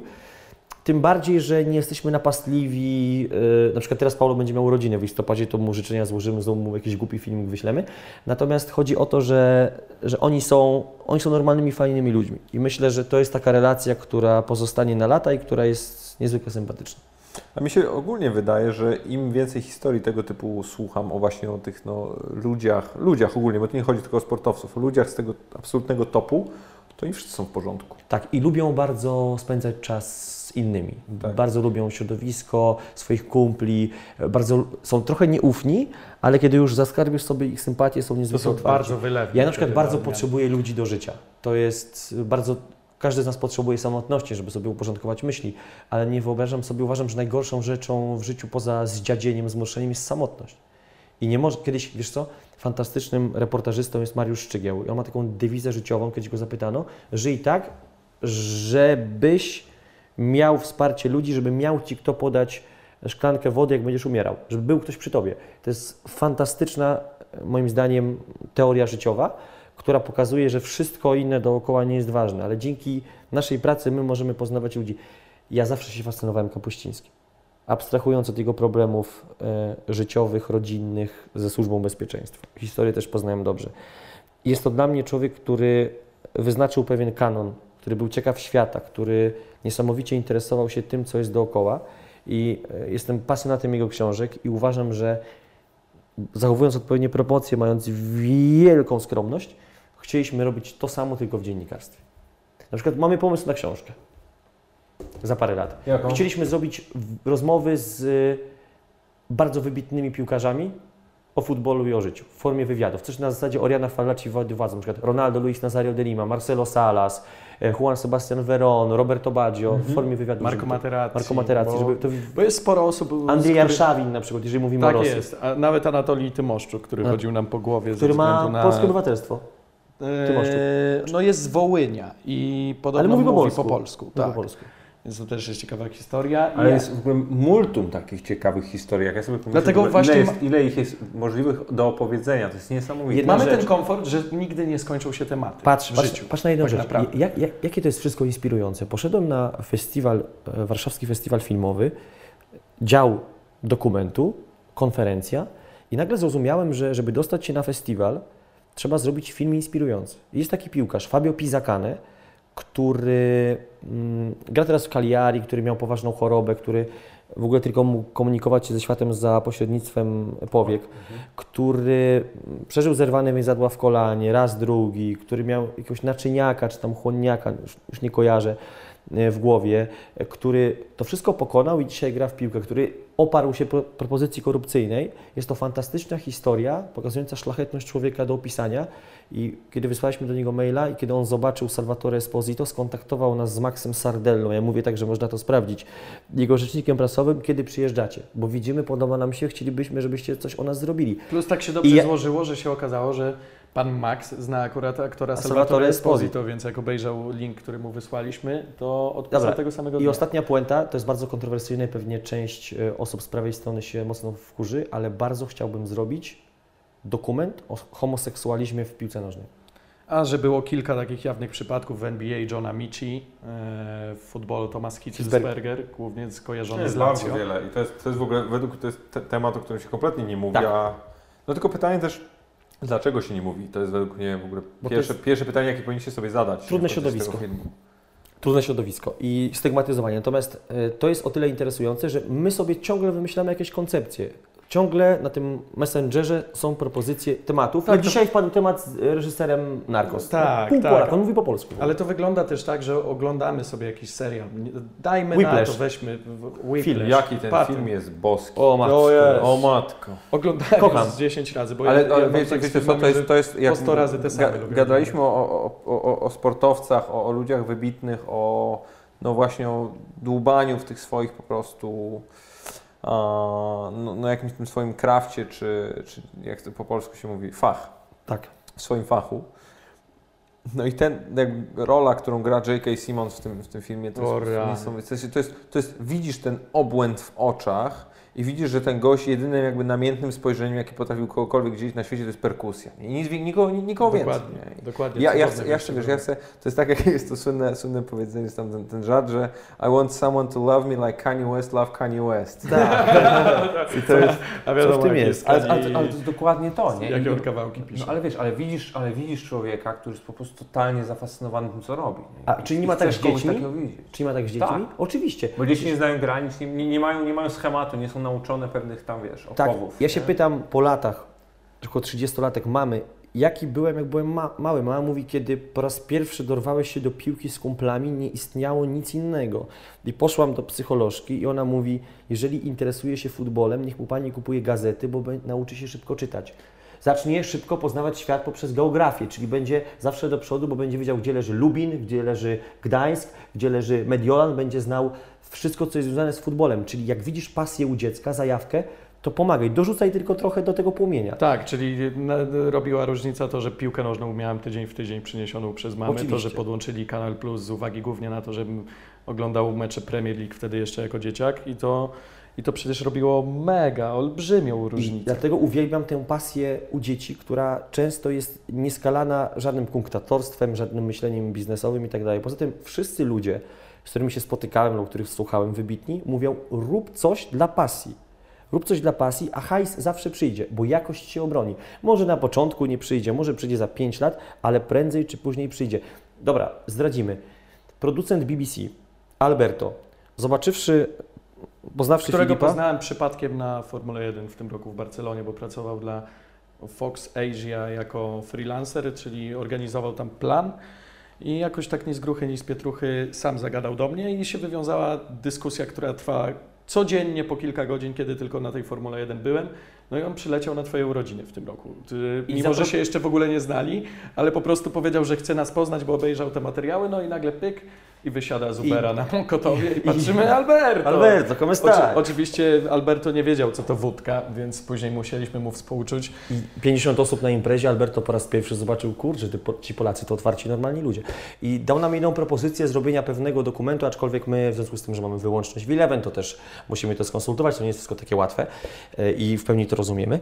Natomiast dał nam propozycję zrobienia pewnej rzeczy o Polaku, czyli o Robercie Lewandowskim dla telewizji zachodniej, co dla nas już jest bardzo fajne. Po- Poza tym, wiesz, na przykład mówi, panowie, potrzebuję na przykład namiary na Dybale, bo chcę go nagrać do swojego dokumentu przed mundialem, bo robię to dla e, Bein. Ja mówię, okej, Właśnie, no bo on skacze ciągle, Tak. trzeba zaznaczyć, że jako freelancer dostaje fuchy po prostu z tych największych firm i co chwilę lata po świecie i, I tak. robi co innego. to, i robi dokument przed mundialem i ma rozmowę z De Bruyne, z Lukaku, z wieloma innymi zawodnikami, z No Buffonem. i właśnie to otwiera też tę siatkę kontaktów, bo ostatnio dał Ci numer do Iniesty. Dał mi numer stadion do Iniesty, mam numer do Andresa Iniesty. Mówi, zadzwoń, bo ja spotykam się z nim za tydzień. Ciąży? Dam Ci numer, nie, wiesz co, dlatego, że nie Mi chcę... się wydaje nudziarzem ten Iniesta. E, mam, Mnie to nie jest zagrzało. kapitalny piłkarz, ale ja bym nie chciał do niego jechać. No właśnie. A ja nie wiem. A ja bym nie chciał. No, I, ale, ale mam taki świetny pomysł, moim zdaniem genialny, żeby zrobić materiał Film niemy. O, a- nie, o agentach. To jest O agentach. Najmo- masz 10 najmocniejszych No agentów. zresztą kontaktowałeś się z Rajolą, No, nie? tak. Rajola był cudownym człowiekiem, chciał numer do Zbigniewa Bońka, później Że chciał, żebyśmy przylecieli 8 godzin później. następ... dzwonił do nas, kiedy byliśmy w Bonton, no tam z twoim tatą. Dobry imprezowicz.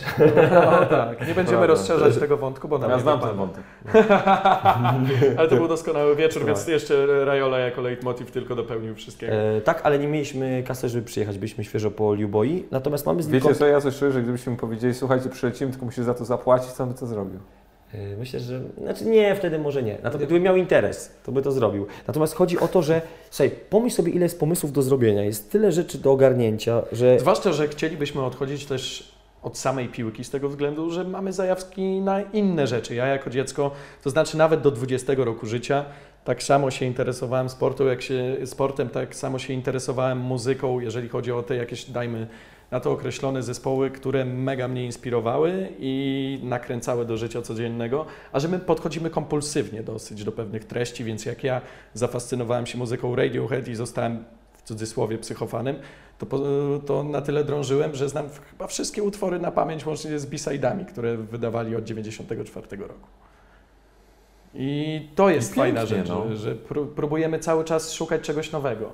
A mamy, mamy po prostu jeden dar. Otrzymaliśmy w postaci pamięci. O Bo to nie, nie, no. nie polega na tym, że w jakiś sposób możemy się przechwalać, że mamy wiedzę na temat ten, A- na temat tamten. i- Po prostu jedna czytamy rzecz, słuchaj, i dużo zapamiętujemy. ja, ja tak, Potem ja druga.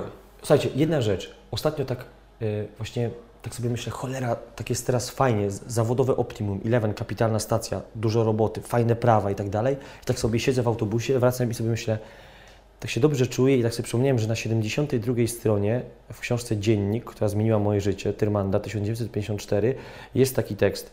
Siedząc w zapluskwionych e, pociągach e, perelowskich e, Polski Ludowej mm, i jeżdżąc z Warszawy do Krakowa do redakcji Tygodnika Powszechnego, nawet przez minutę nie chciałem być kimś innym i robić czegoś innego.